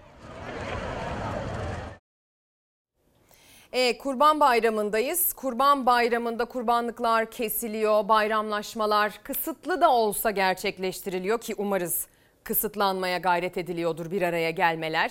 Biraz olsun tedbirli oluyordur diye ümit ediyoruz. E tabii ki hava durumu bugünlerde daha önemli hale geliyor. Hava durumu aynı zamanda sahillerde olanlar için de daha önemli hale geliyor. Biliyorsunuz Ege'de, Akdeniz'de sahiller doldu taştı. İğne atsan yere düşmez görüntüler var. Onlardan da haberleri aktaracağız ama isterseniz yarının da havasından bahsedelim. Yarının havasının nasıl olacağı, cumartesinin havasının nasıl olacağı bunlar önemli bilgiler. Bugünlerde daha da önemli. Yine bir yağış ihtimali kuzeyde görülüyor cuma günü itibariyle. Yine Marmara bölgesinde doğuda ama bugünden çok daha doğuda ve çok daha ihtimali düşük olacak şekilde. Batı Karadeniz'de, kıyıda, Doğu Karadeniz'de yağışlı hava ihtimali cuma günü de devam edecek. Bunlar az evvel de söylediğim gibi uzun soluklu, gün boyu devam eden, e, tamamen bölgeyi kapsayacak şekilde etkili olan yağışlar değil de hani bölgesel bölgesel zamansal aralıklar veren bir ilçeye yağıp diğer ilçeyi pas geçen yağışlar sevgili izleyenler. Ama Karadeniz ve yağış ihtimali bir araya geldiğinde az evvel söyledim tedbiri en üst seviyeye çekmekte fayda var. Yine sıcak havadan bahsediyoruz. Ege'nin güneyinde ve Güneydoğu Anadolu bölgesinde uyarı yapmayı gerektirecek nitelikteki sıcaklıklar bu genel serinlemeye rağmen sürüyor ve bu birkaç günlük serinleme de gerçekten bize iyi geldi diye düşünüyorum. Uyumak biraz kolaylaştı en azından İstanbul için bunu söyleyebilirim. Son iki gecedir uyumak daha da kolay hale geldi. Bu serin havanın etkisi de birkaç gün devam edeceğe benziyor. Cumartesi gününe bakalım. Cumartesi günü de aslına bakarsanız yağış ihtimalinden söz etmeye devam ediyoruz. Üstelik cumartesi günü kuzeydeki bu yağışların Ege'ye, batının iç kesimlerine doğru ilerlediğini de görmek mümkün haritamızda. Güneydoğu Anadolu bölgesi yine çok sıcak. Doğu Karadeniz'de yine yağış ihtimali var. Bugün olduğu gibi, e, yarın olduğu gibi cumartesi günü de Doğu Anadolu bölgesinin kuzeyinde de, kuzeyinde en kuzeydeki illerde de yağış ihtimalinden söz ediyoruz cumartesi günü itibariyle. Madem kurbanın havasını verdik bir de kurbanın hesabını yapalım isterseniz. Kurbanın hesabını en çok hangi konularda yaptı vatandaş bu sene yurttaşlarımız? E, tatile gider miyim, gidemez miyim? E, gidersem ne kadara patlar? Nereye gidersem daha ucuza gelir? Ya da kurbanlık satın alabilir miyim, alamaz mıyım? Geçen yıl ne kadar vermiştim, bu yıl ne kadar vermek gerekir hesabı yaptılar. E, yıl boyunca buna hazırlananlar, besiciler, e, buna yatırım yapanlar da ne kadar satarım, şu kadar maliyetle şu İstanbul'a gitsem hepsini satıp geri gelebilir miyim hesabı yaptılar. Ama o hesaplar tutmadı galiba. Abi çok az verdin vallahi çok az verdin. 1750 lira ayırıyor. Kurbanlık için geldik. Bir türlü uygun fiyatı bulamadık. Yüksek. Aşırı derecede. Yani hemen hemen bir emeklinin alabileceği bir fiyat değil. Aslında bugüne kalmamamız lazımdı. Ama bugün gidişle alamazdık. Satışlar yok. Kurban alan yok. Şaşırdık ne yapacağımızı. Bir sürü harcımız, borcumuz var. 350 tane hayvanla geldik. Kaçı satıldı? Daha 80 tane sattık. Geri kalan hepsi duruyor. Memlekete zor döneceğiz. Bayramın ikinci gününde satıcılar kurbanlık fiyatlarını iyice aşağı çekti ama yine de özellikle küçük başlar elde kaldı. Satıcı memleketine zararla dönmeye hazırlanıyor. Evet zararına mal satıyoruz. Evet. İlk gün biraz daha pahalı. Genelde ikinci üçüncü bekliyoruz. Yani fiyatlar daha cazip. Daha yani bütçemize göre. Bizim ikinci gün gelmemizin sebebi bu. Geçen sene hatta üçüncü gün alabilmiştim. Şu hayvanı dün sattığımız para 1800-1900 lira. Şimdiki sattığımız fiyatı siz gördünüz. 1400'e verdik. Bu hayvan bir buçuk senede bu seviyeye geliyor. Bunun maliyeti hemen hemen 1 milyara geliyor hayvan başı. Burada sattığımızda zaten şu anda zarar. Getirdiğimize pişmanız.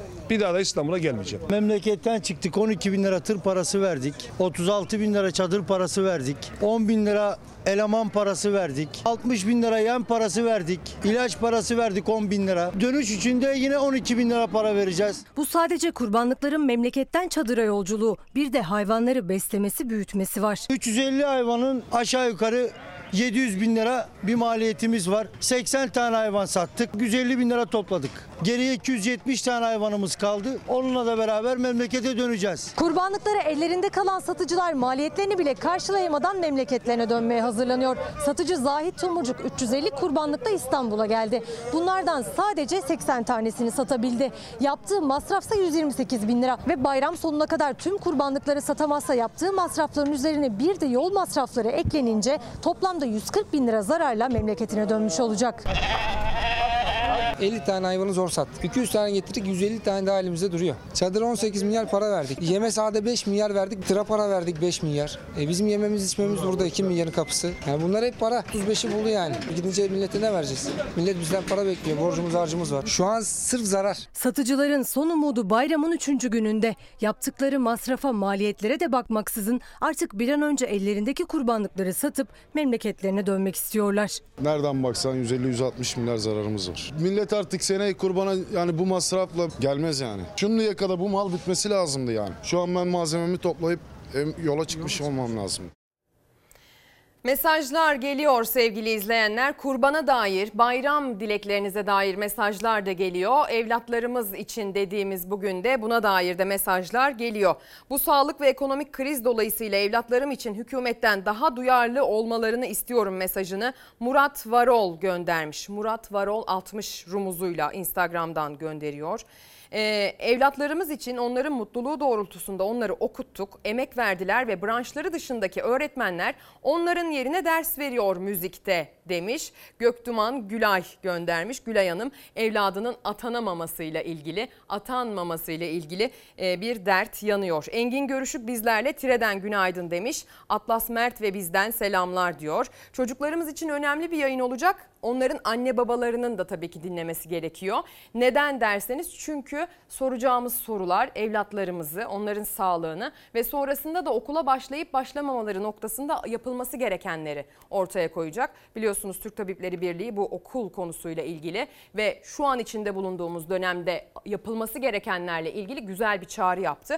Bundan da söz edeceğiz ama Kurban Bayramı'ndan devam edelim. Her Kurban Bayramı'nda olduğu gibi maalesef istenmeyen görüntüler de kameralara yansıdı. Size 50 sefer değil. Her sene aynı pisliği yapıyorsunuz. Neresi sağlık bunun? Her sene aynı rezillik. Kesilen kurbanlardan kalanları akarsuya attı. Hem de uyarılmasına rağmen. Ne de dökmediğim daha dökeyim bak.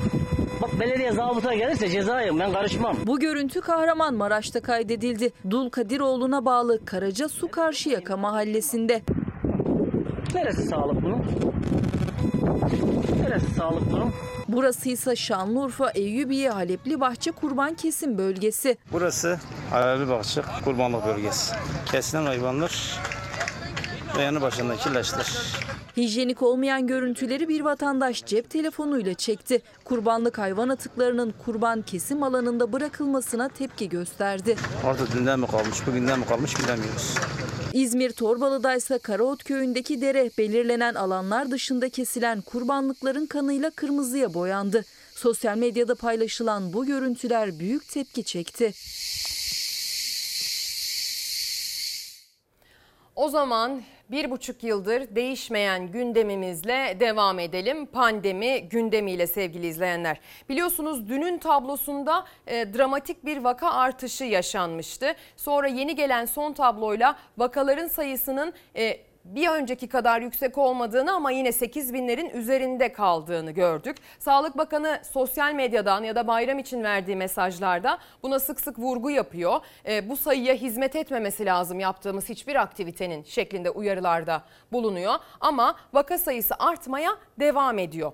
Ve içinde bulunduğumuz bu hareketli dönem sirkülasyonun, ulaşımın, bir yerden bir yere gitmenin, bir aradalıkların arttığı bu dönemden sonra Ağustos ayının çok da kolay geçmemesi gündemde.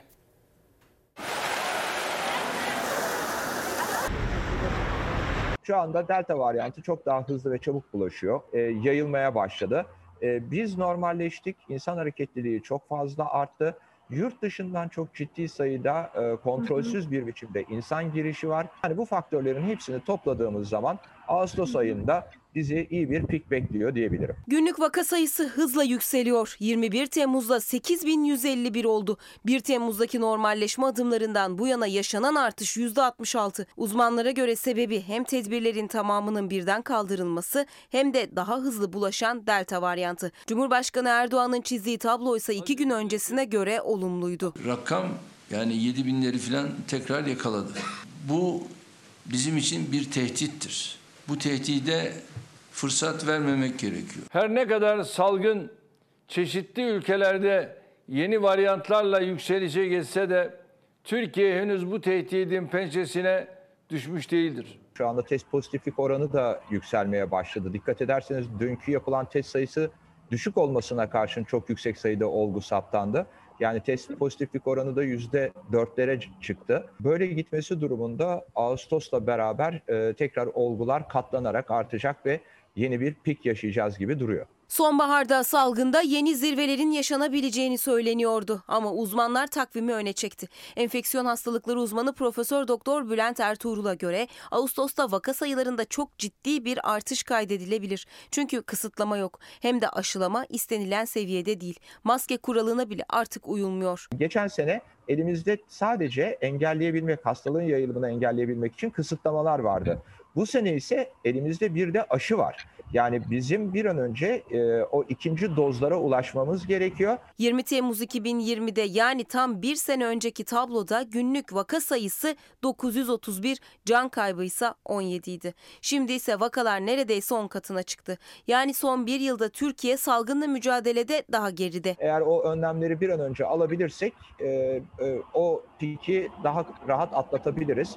Ama almaz bu şekilde devam edersek e, ne yazık ki çok ciddi bir pikle karşı karşıya kalabiliriz. Katlamalı bir geometrik artışla e, 20-30 binleri bulabilir diye düşünüyorum. Bu dalgayı ilave kısıtlamalara gerek kalmaksızın geride bırakacağımıza inanıyorum. Cumhurbaşkanı şimdilik yeni tedbirlere gerek olmadığını söyledi. Uzmanlara göre ise önlem alınmazsa özellikle aşı olmayanları zor günler bekliyor. Yani şu anda bir önlem alınması gerekli bir dönemde miyiz? Elbette şu anda dikkat ederseniz e, hasta sayıları katlamalı bir biçimde artmaya başladı. Aşı olmayanlarda belki can kayıpları yaşayabiliriz ama en azından aşı olanlar için can kaybı yaşamamız veya hastaneye yatışlarımız o kadar yüksek olmayacaktır.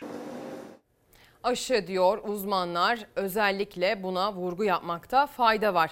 Biz bugün evlatlarımız için dedik delta varyantından, aşılamadan, aşılamanın yaşından, oranından çokça bahsediyoruz.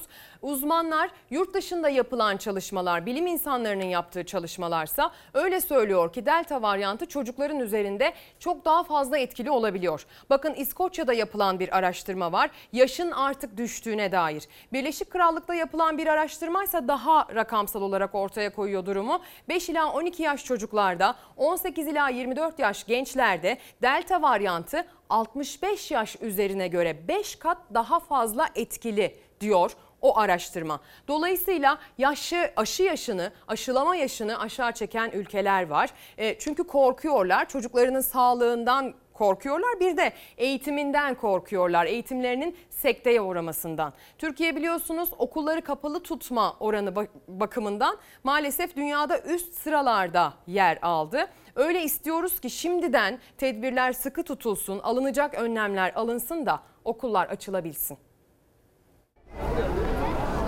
Endişemiz var, korkuyoruz.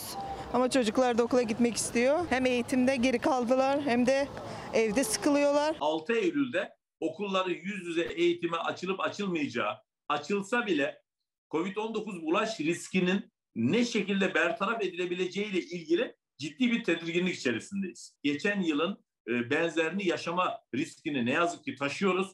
En büyük risk işte bu. Vakalardaki artış, aşılamadaki yavaşlama ve alınmayan tedbirler nedeniyle geçen yıl olduğu gibi yüz yüze eğitimin yine sekteye uğrama ihtimali. Okulların açılmasının planlandığı 6 Eylül'e bir buçuk ay kaldı. Hem Eğitim İş Sendikası hem de Türk Tabipleri Birliği Milli Eğitim Bakanlığı'nın önlem alması için çağrıda bulundu. Okullarda herhangi bir önlem almadı Milli Eğitim Bakanlığı. Yani okulların fiziki şartlarını düzeltmedi. Okullarda e, gerekli hijyen önlemlerini almadı. Eylül'le birlikte okullar açılacak tekrar.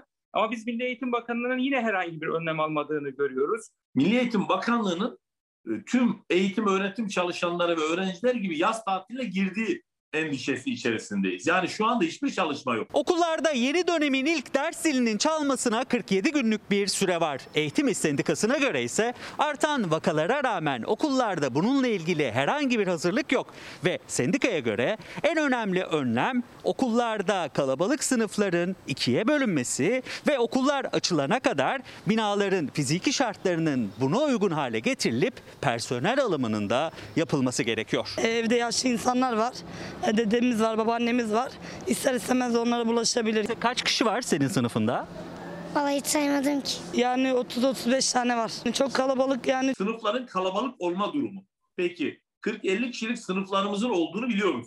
20 kişiyi aşan tüm sınıflarımız önümüzdeki dönemde bulaş riskini azaltma adına mutlaka yeni sınıflar düzeyinde ayrıştırılmalı ve ona göre de personel alımı öğretmeninden yardımcı hizmetlerine kadar personel alımı yapılmalı. Ben de bir öğretmenim bu arada. Açıldık evet işte e, ticaret ilerliyor vesaire ama evet bu böyle yayılacak gibime geliyor virüs ve bence de Eylül'de tekrar bir online'a geçilebilir ama yaz döneminde hava el verdiğince biraz açık havada eğitim yapılmalı.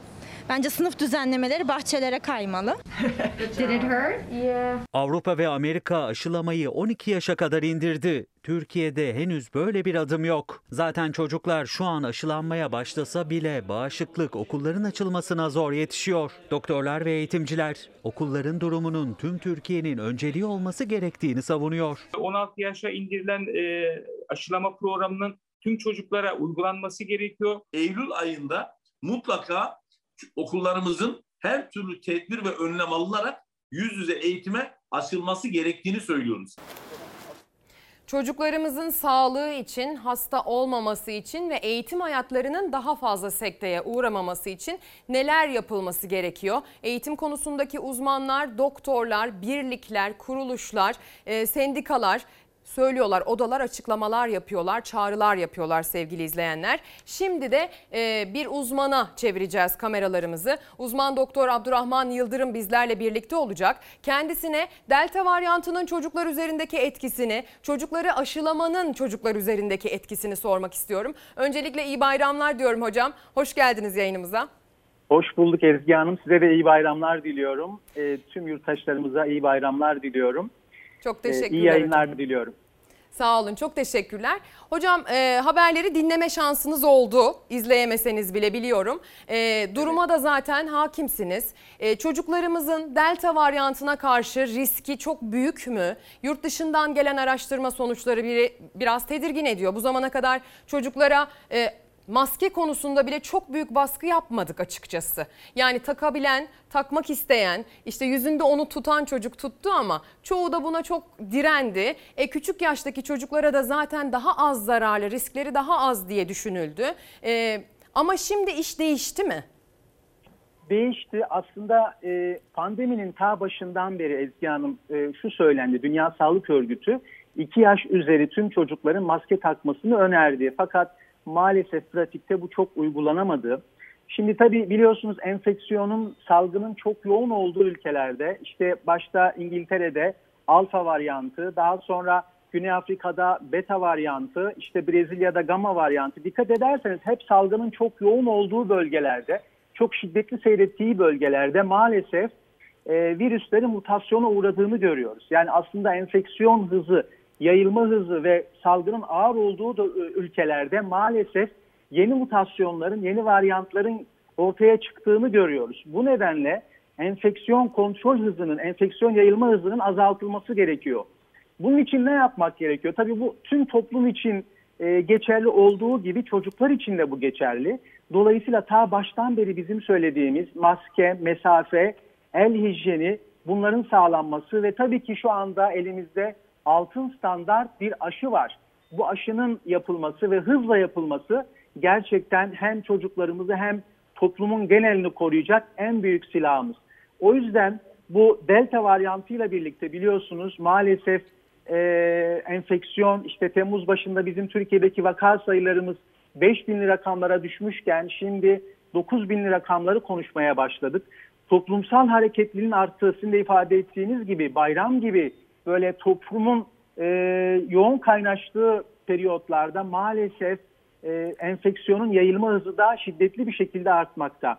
O yüzden e, bizim bu dönemde yapmamız gereken belli başlı şeylerin başında e, lütfen aşımızı olalım. Yani aşı bizim için inanılmaz önemli. Enfeksiyonun kontrolü, salgının durdurulması için elimizdeki en kuvvetli silah aşı. Yapılan çalışmalarda sizin de ifade ettiğiniz gibi e, işte İngiltere'de, Avrupa'da, Amerika'da yapılan çalışmalarda şunu görüyoruz. E, gerçekten 65 yaş üstü belli bir yaşın üstünde olan insanların aşı oranları yüksek olduğu için bu insanlarda delta varyantı daha az görülüyor. Ama aşısız olan genç ve çocuklarda bu delta varyantının daha hızlı yayıldığını, daha çok görüldüğünü, daha çok çocuk ve genç vaka bildirildiğini biliyoruz. Dolayısıyla e, şunu da söyleyebiliyoruz. Yapılan çalışmalarda bu enfeksiyonun, bu delta varyantının %60 daha bulaştırıcı olduğunu biliyoruz.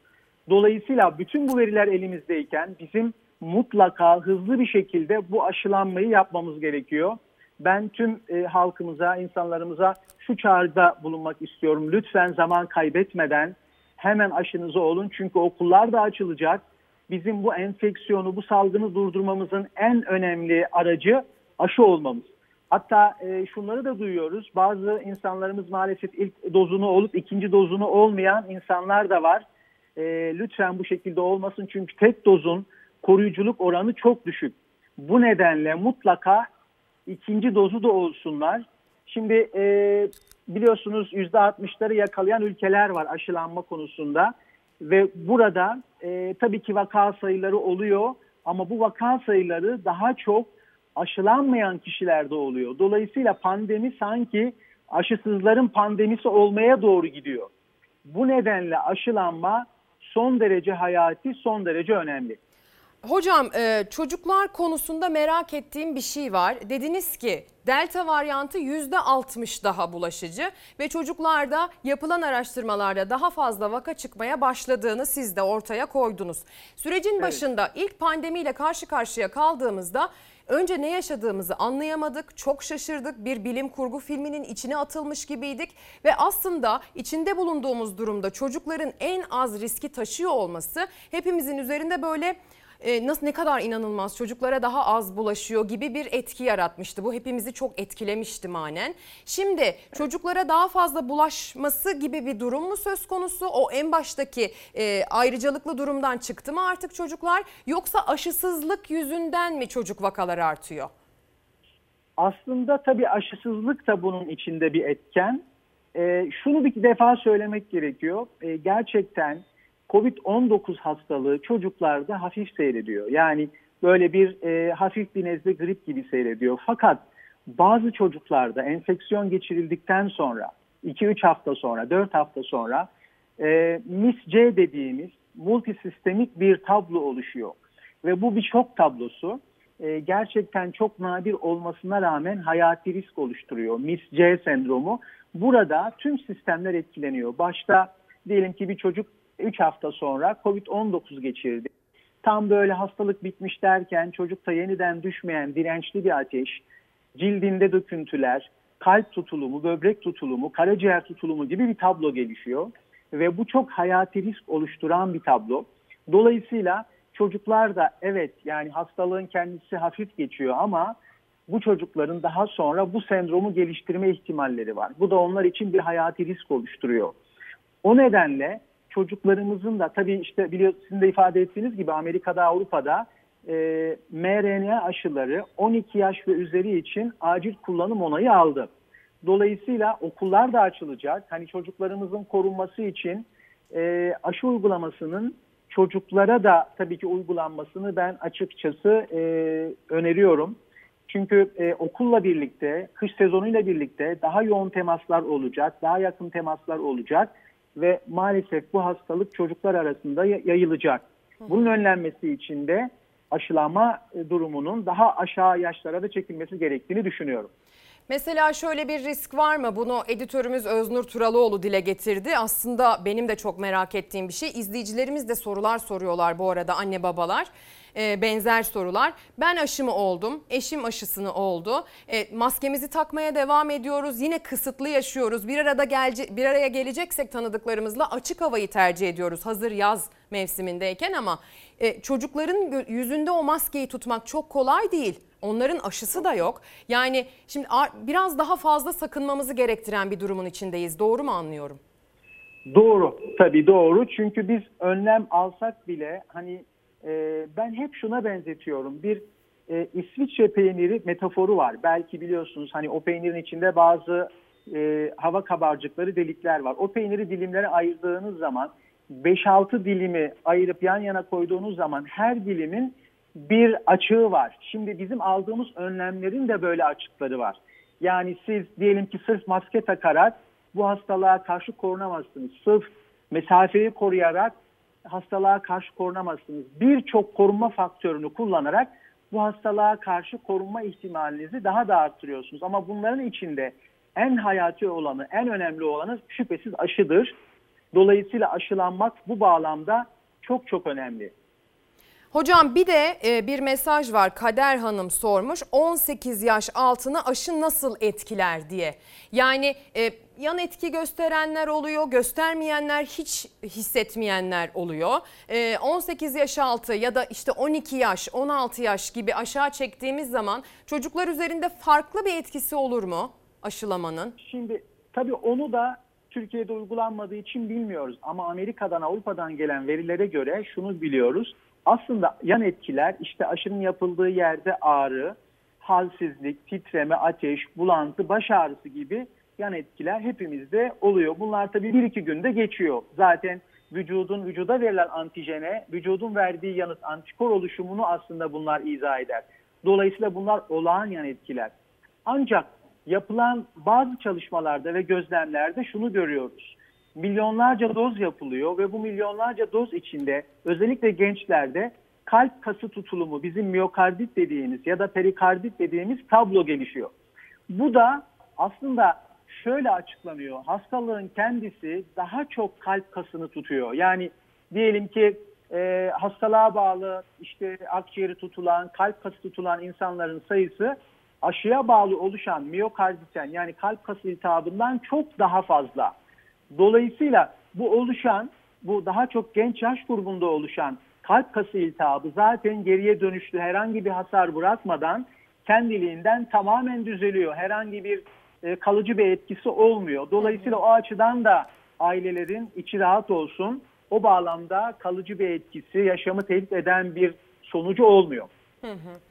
Ee, hocam sizin de müsaadenizle ben diyorum ki izleyicilerimize siz sorularınızı gönderin. Sorularınızı göndermeniz için bir fırsat yaratalım. Bir zamansal bir fırsat yaratalım. Şimdi bir reklama gidelim. Ee, uzman doktor Abdurrahman Yıldırım biz reklamdan döndükten sonra da yine sorularımızı yanıtlamak için bizlerle birlikte olacak sevgili izleyenler. Sonrasında da zaten gündemimizle haberlerimizle devam edeceğiz. Siz bu arada Twitter'dan, Instagram'dan kafanıza takılan soru varsa bize yazıp gönderebilirsiniz. Bugün sonuç itibariyle yayınımızın e, ve özellikle Abdurrahman Hoca ile yayınımızın amacı evlatlarımız için fayda sağlamak. O yüzden bu fırsatı bir tanıyalım sonra buradayız. Bir kez daha günaydın sevgili izleyenler. Çalar Saat kaldığı yerden devam ediyor. Tekrar tekrar ekranlarımıza hoş geldiniz. Sesimizin, görüntümüzün ulaştığı her yere günaydın dileklerimizi, iyi bayramlar dileklerimizi gönderiyoruz. Bugün evlatlarımız için diyerek yola çıktık. İçinde bulunduğumuz pandeminin, içinde bulunduğumuz dönemin, bu hareketli bayram tatilinin, sonrasında yaşanacakların çocuklarımıza etkileri, delta varyantının çocuklarımıza etkileri, okulların açılıp açılmaması durumuna etkileri, çocukların aşılanması ile ilgili sorularımız. Bunların hepsini konuğumuz uzman doktor Abdurrahman Yıldırım'a yönelttik. Sonrasında da dedik ki sizler bizlere sorularınızı gönderin. Biz de hazır uzman doktorumuz yanımızdayken, karşımızdayken sorularımızı yöneltelim dedik. Şimdi pek çok soru geldi. Hocam onları size aktarmak istiyorum. En çok gelen soru e, aşılama konusunda emziren annelere dair. Emziren annelere dair soruları soranlardan birisi örneğin avukat Emrah Aslan. Emziren anneler aşılansın mı hocam? Evet Ezgi Hanım e, çok güzel bir soru. Bize de günlük yaşamımızda en çok sorular sorulardan birisi. Kesinlikle emziren anneler aşı olabilirler. Bunda hiçbir sorun yok. İşte aşılanma oranlarının çok yüksek olduğu ülkelerden gelen veriler ve gözlemlerle şunu biliyoruz ki herhangi bir yan etki, herhangi bir sıkıntı olmuyor. Güvenle aşılanabilirler. Hatta şöyle bir şey var. Anne aşı olduktan iki hafta sonra annede oluşan antikorlar bebeğe anne sütünden geçerek bebeği de korumaya başlıyor. Dolayısıyla emziren annelerin aşılanması son derece önemli ve güvenli. Kesinlikle aşı olabilirler. Hatta, Çok teşekkür e, Amer Hatta Amerika'da e, CDC'nin önerileri var. E, ben de geçen hafta okumuştum ve izledim. Şunu söylüyorlar. Eğer e, gebeler için bile aşı öneriliyor. Eğer gebe olan kişi sağlık çalışanıysa veya risk grubundaysa 26. haftadan sonra e, COVID aşısı olabileceği yönünde önerileri oldu. Burada tabii e, risk durumunu değerlendirmek lazım. Dolayısıyla eğer riskli bir gruptaysa e, em, yani bırakın emziren anneyi gebe olanların bile aşı olabileceği konuşuluyor. E, aslında bir soracak olduğum bir soruyu da böylelikle yanıtlamış oldunuz. Ekran başında sağlık çalışanı 2 yaşında çocuğu olan bir annemiz de soru göndermişti benzer bir soru. Onu da aslında yanıtlamış olduk. Bir de ekran başındaki anneler e, çocuklarını korumak için vitamin desteği verdiklerini söylüyorlar. Tabii ki her türlü ilaç kullanımı için siz de tabii ki öyle söyleyeceksinizdir. Bizler de hep söylüyoruz. Doktorunuza başvurun diyoruz. Hani spesifik ilaç tavsiyesi yapmayı asla doğru bulmuyoruz ama işte e, D vitamini konuşuluyor, C vitamini konuşuluyor, çinko konuşuluyor. Çocuklara bunları vermek doğru mu? Ne kadar vermek gerekiyor? Her gün mü vermek lazım? Bu soruyu soranlardan birisi Şubat-Mayıs kullanıcı adıyla e, bir anne ya da baba e, böyle bir soru yöneltmiş. Nasıl hazırlayalım ihtimallere çocuklarımızı? Evet Ezgi Hanım bu da çok güzel bir soru gerçekten. Şimdi bizim rutin önerdiğimiz vitamin D vitamini. bebeklere doğdukları andan itibaren 1 yaşına kadar günlük 400 ünite D vitamini öneriyoruz. 1 yaşından sonra da 600-800 ünite gibi günlük e, D vitamini öneriyoruz. Bu mutlaka alınması gereken e, bir vitamin. Çünkü D vitamini hem kemik gelişimi için hem de bağışıklık sistemi için son derece önemli. Hatta son dönemlerde artık vitaminden ziyade hormon olarak değerlendiriliyor D vitamini. O yüzden mutlaka verilmesi gerekiyor. Onun dışında tabii ki e, birçok şey söyleniyor. Sizin söylediğiniz gibi C vitamini ve çinko gibi ancak bunların inanın yapılan bilimsel çalışmalarda bağışıklık sistemini çok da olumlu etkilemediği gösterildi. Dolayısıyla bu tür vitaminlerin daha çok gıdalarla günlük işte 1-2 porsiyon meyve, 1-2 porsiyon sebze tüketerek çocuklarımıza bunları sunarak zaten o vitamin ihtiyaçlarını da karşılamış oluyoruz. Belki omega 3 desteği olabilir. Omega 3 desteği çünkü biliyorsunuz hem zihinsel gelişim için hem de kalp sağlığı için ve bağışıklık sistemi için son derece önemli. E, omega 3 desteği zaman zaman yapılabilir ya da çocuklarımıza haftada iki gün balık tükettikleri zaman e, böylece günlük ya da ihtiyaçları olan omega 3'ü sağlamış oluyoruz. Ama onun dışında bir takviye yani biz bilimsel verilerle kanıta dayalı tıpta baktığımız zaman e, gerçekten gösterilebilmiş bağışıklık sistemini destekleyen ve alınması gereken e, ek bir vitamin yok. Bu süreçte aslında hem çocuklar hem de yetişkinler için belki de bunu sorabiliriz. Probiyotik desteğiyle ilgili neler söyleyeceksiniz? Gerek ilaç şeklinde olabilir gerekse yoğurt kefir tüketerek hocam. Ne tavsiye edersiniz? Evet bu da çok önemli. Probiyotikler gerçekten e, artık son dönemlerde şu söyleniyor. Bağırsaklarımız için ikinci beynimiz ifadesi kullanılıyor. Çünkü orada bulunan e, mikrobiyota, orada bulunan probiyotikler gerçekten bizim bağışıklık sistemimizi çok olumlu etkiliyor. Dolayısıyla e, probiyotik almak son derece önemli. Tabii ki ilk tercihimiz bunu gıdalarla almak, işte e, kefirle almak, turşuyla almak, belki işte sirkede bulunuyor, yoğurtta bulunuyor. Dolayısıyla probiyotik desteğini ben önemsiyorum. E, bu şekilde alamayan çocuklara dışarıdan damla olarak veya e, saşe şeklinde destek sağlanabilir faydası olduğunu düşünüyorum ben. Hı hı. Bu e, aşı ve delta varyantı özelinde yine bir soru gelmiş. Aysun Öztekin sormuş bu soruyu da. Otoimmün rahatsızlığı olan çölyak hastası 9 yaşında bir oğlum var. Okullar açıldığında gönderip göndermemek konusunda endişelerim var demiş. Çölyaklı çocuklarımız için risk ne ölçüde hocamıza sorabilir misiniz? diyor. Evet bu tabii tartışılan bir konu. Otoimmün hastalığı olan kişilerde e, aşı yapalım mı? Tabii bu konuda maalesef henüz e, yeterli bir veri yok. Yani e, net olarak güvenlidir ya da güvenli değildir diyebileceğimiz elimizde bilimsel bir veri yok. Ama gözlemlere ve kısıtlı olan verilere göre değerlendirecek olursak bu yönde hani net olarak yapılmasın denmiyor, yapılabilir deniyor. İşte Amerika'da veya Avrupa'daki birçok sağlık otoritesi bu konuda hani ki kararı biraz aileye bırakıyorlar ama çünkü elimizde maalesef bir veri yok. Çünkü bu olay yeni olan bir hadise. Bu konuda biz bilimsel bir karar verdiğimiz zaman elimizdeki geçmişe ait verileri değerlendirerek bir karara varıyoruz. Ancak e, yapılabileceği yönünde görüşler daha baskın durumda. Hocam bir de e, alerjik çocukları sormam lazım. Gerek besin alerjisi olabilir, gerek ilaç ilaç alerjisi, penisilin alerjisi. Hem virüse karşı e, tutum nasıl olmalı? Virüsün onları etkilemesiyle ilgili bir özel durum var mı? Bir de aşı olup olmamalarıyla alakalı ne önerirsiniz? Fikriniz, görüşünüz. Evet, bu da çok güzel bir soru. Aslında bu özellikle mRNA aşıları için içinde polietilen glikol maddesi var bu polietilen glikol maddesine karşı alerjisi olanlara elbette yapılmamalı. O zaman tabii daha inaktive aşılar e, işte Çin aşısı gibi olabilir ya da vektör aşıları olabilir. Ancak onun dışında e, anafilaksi öyküsü olmayan alerjik olan kişilere güvenli hastane ortamında yapılabilir. Belki bu kişilere aşı yapıldıktan yarım saat kadar bir süre hastane ortamında beklemekte yarar var. Ama alerjik olan kişiler e, güvenle bu aşıyı olabilir. Yeter ki polietilen glikol maddesine karşı alerjileri olmasın. Evet bunu bu konuda da tabii ki eğer alerjik bir evladımız varsa ya da kendimizde alerjik bir durum varsa doktorumuza başvurmalıyız. Ee, daha sonrasında bu aşı ile ilgili tavsiyesini uygulamak gerekiyor. Galiba bir doktoru düzenli takip etmekte böyle hastalıkları Evet, özel durumları olan önemli. çocuklar için çok önemli değil mi hocam? Evet, kesinlikle önemli. Bir de alerjik çocuklar tabii şöyle bir şey var. Onlar çok hapşırdıkları için, çok elleri ağızlarına, burunlarına ve gözlerine gittiği için e, hastalığı kapma ihtimalleri biraz daha yüksek.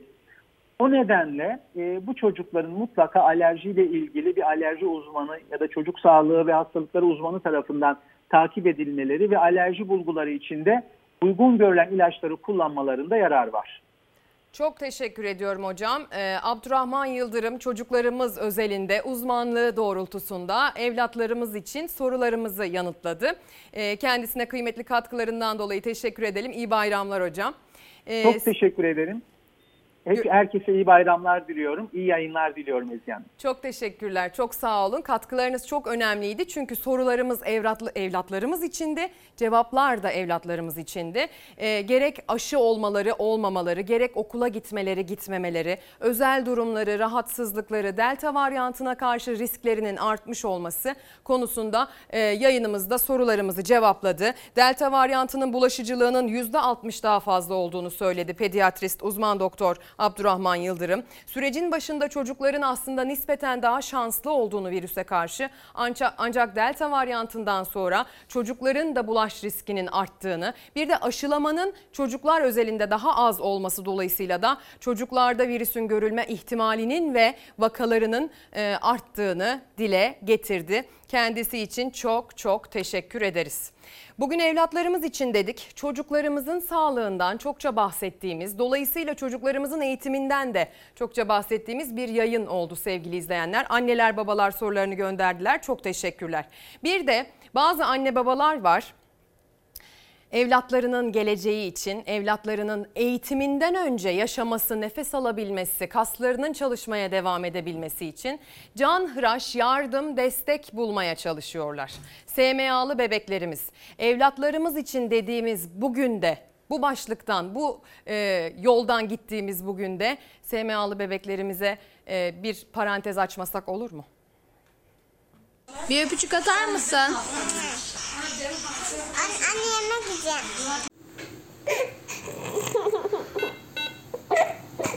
Defne ve Bedia Ferhan. Gen tedavisi bekleyen SMA hastası çocuklardan sadece ikisi. Ailelerin valilik onaylı yürüttükleri kampanyaların ilerlemesi, iki hasta bebeğin iyileşebilmeleri yapılacak bağışlara bağlı. Çünkü Sağlık Bakanlığı yurt dışında uygulanan tedavi masraflarını karşılamıyor. Şu dünyadaki en güçlü kişi Defne Işıkdere 33 aylık. SMA tip 1 hastası. 7-8 aylık olduğunda hareket kabiliyetinde gerileme olduğunu fark etti ailesi. Doktorlar bu durumun normal olduğunu, gelişiminde herhangi bir problem olmadığını, hatta Defne'nin tembel olduğu için yürümediğini söylediler. Sonraki muayenelerde 13 aylıkken geç kalınmış bir SMA teşhisi konuldu. Sonra da SMA hastalarının karşısına çıkan prosedürler ve Defne'nin ara tip olmasından kaynaklı ortaya çıkan sorunlardan dolayı defalarca red alan ilacı Defne ancak 19 aylıkken alabildi. Devam dozlarını vaktinde alamadı. Bu da Defne'nin tedaviye cevabını geciktirdi ve her gecikmede Defne kaslarını kaybetti. Yukarıdan bak yukarıdan. Oh. Sıradaki top seni bekliyor Defne. Defne'nin durumu henüz daha da kötüleşmemişken tek seçeneği yurt dışında uygulanan ilacını alabilmek. Defne şu anda 10 kilo ve ilaç 13 kilonun altındaki çocuklara uygulanabiliyor. Ancak bunun için 2.4 milyon dolara ihtiyaç var. İnsanlar el ele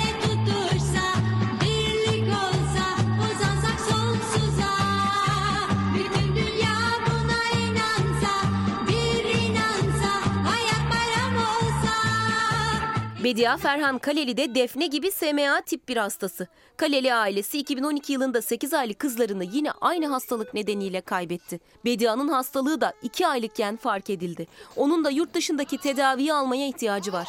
Ailesi ilaca ulaşabilmek için gerekli parayı kampanyayla toplamaya çalışıyor.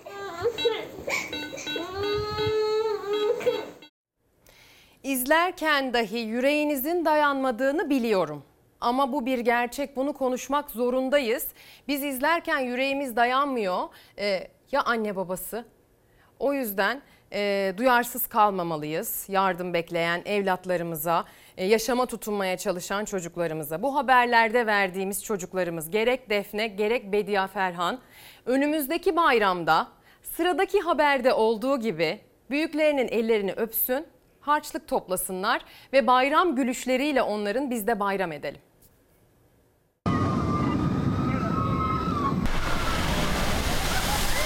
Nasıl geçiyor bayramı? İyiyim çok çok. Nasıl geçti ilk gün? Anneannemlere gittim, babaannemlere gittim.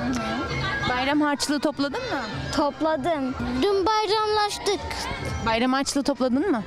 Evet, onları bugüne topladık. Ne kadar topladın? 730. Oh maşallah. O zaman sen bugün doya doya eğleneceksin. Evet.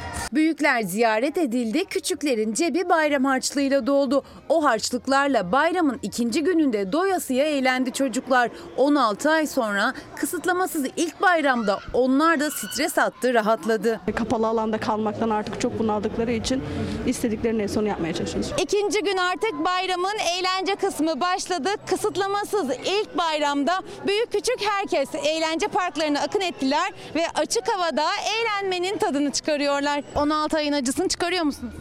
Çıkarıyoruz. Bir de küçük bebeğimiz vardı bizim. iyice çok bunalmıştık. Şimdi acısını çıkartıyoruz gerçekten. 9 günlük tatilde İstanbul'da kalan çocuklar bayramın ilk gününde aileleriyle vakit geçirdi. İkinci günü zor beklediler. Çünkü bu kez ailelerinden topladıkları harçlıklarla eğlenme zamanıydı. Boş olacağını düşündük İstanbul'un ve e, havuz ve denizden uzak durmak istiyoruz açıkçası. Fırsat bu fırsat dedik. Hazır boşken kaçalım bir görelim. Çorlu'dan geldik, çocukları getirdik. Güzel geçiyor. İstanbul kalabalık değil. Gayet güzel. Hem trafik de çok az. Çok hızlı geldik buraya. Salgın da göz önünde bulundurulunca açık havadaki eğlence parkları ilk tercih edilen adresler oldu. Biz de heyecanlıyız açıkçası. Ne yapacağımızı da şaşırdık. Nereye gitsek daha sağlıklı, neresi olur çocuklar için. Hani açık mekanları tercih etmeye çalışıyoruz o yüzden. Şu anda korkuyorum. Son daha olabilir. Nasıldı? Son duamı ediyorum demişti. Güzelmiş. İşte burası da eğlence parkının en çok tercih edilen bölümü. Çünkü hava çok sıcak ve serinlemek çok kıymetli. Nasıldı? Çok eğlenceliydi. Çocuklar çok mutlu oldular. Hava sıcak olduğu için bayağı bir serinlemiş olduk. Islandık biraz.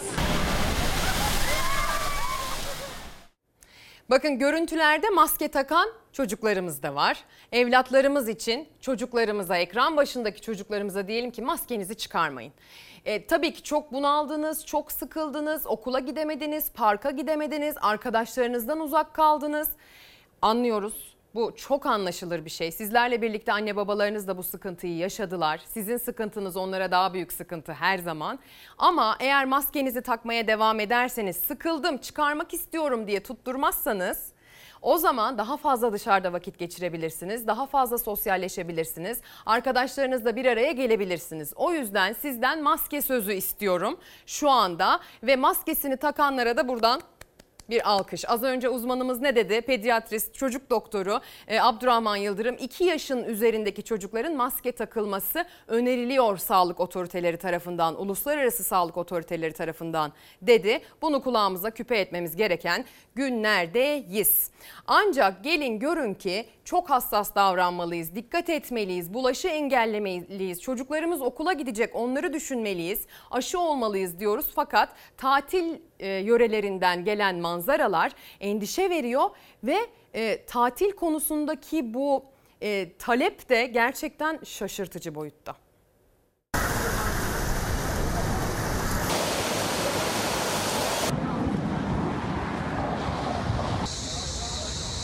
Ha vallahi geldik hem kamp yerlerinde hem otel yerlerinde yer yok. Ayrıca çok da pahalı oluyor. E Böyle çadırımızı masamızı aldık. Kendi yiyeceğimizi getirip daha uyguna denk getiriyoruz. Sahiller doldu taştı. Otellerde yer bulamayan tatilciler araçlarında ve yerlerde yattı. 9 günlük bayram tatilini fırsat bilen milyonlar tatil beldelerine akın etti.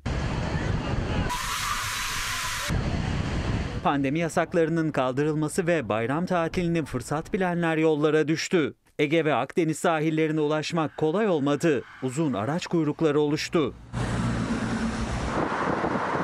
Gözde tatil merkezleri Çeşme ve Bodrum'da çarşı, pazar, cadde, plaj iğne atılsa yere düşmeyecek durumdaydı. Tatilcilerin gelmesiyle her iki turizm ilçesinde nüfus 1 milyonu aştı.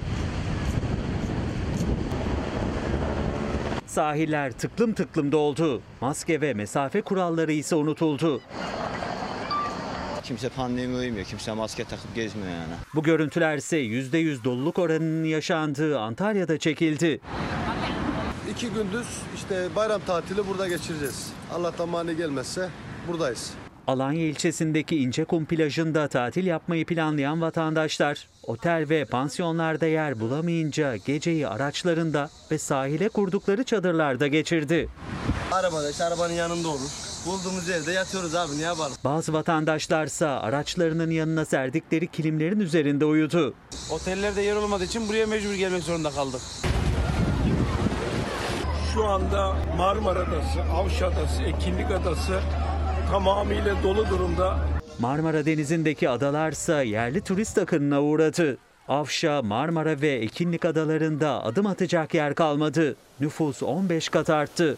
Yaşanan yoğunluk nedeniyle belediye personellerinin izinleri iptal edildi. Avşa adamızdaki bütün oteller, moteller dolu olduğu gibi nüfusunun 15 katı bir misafiri şu anda ağırlıyor.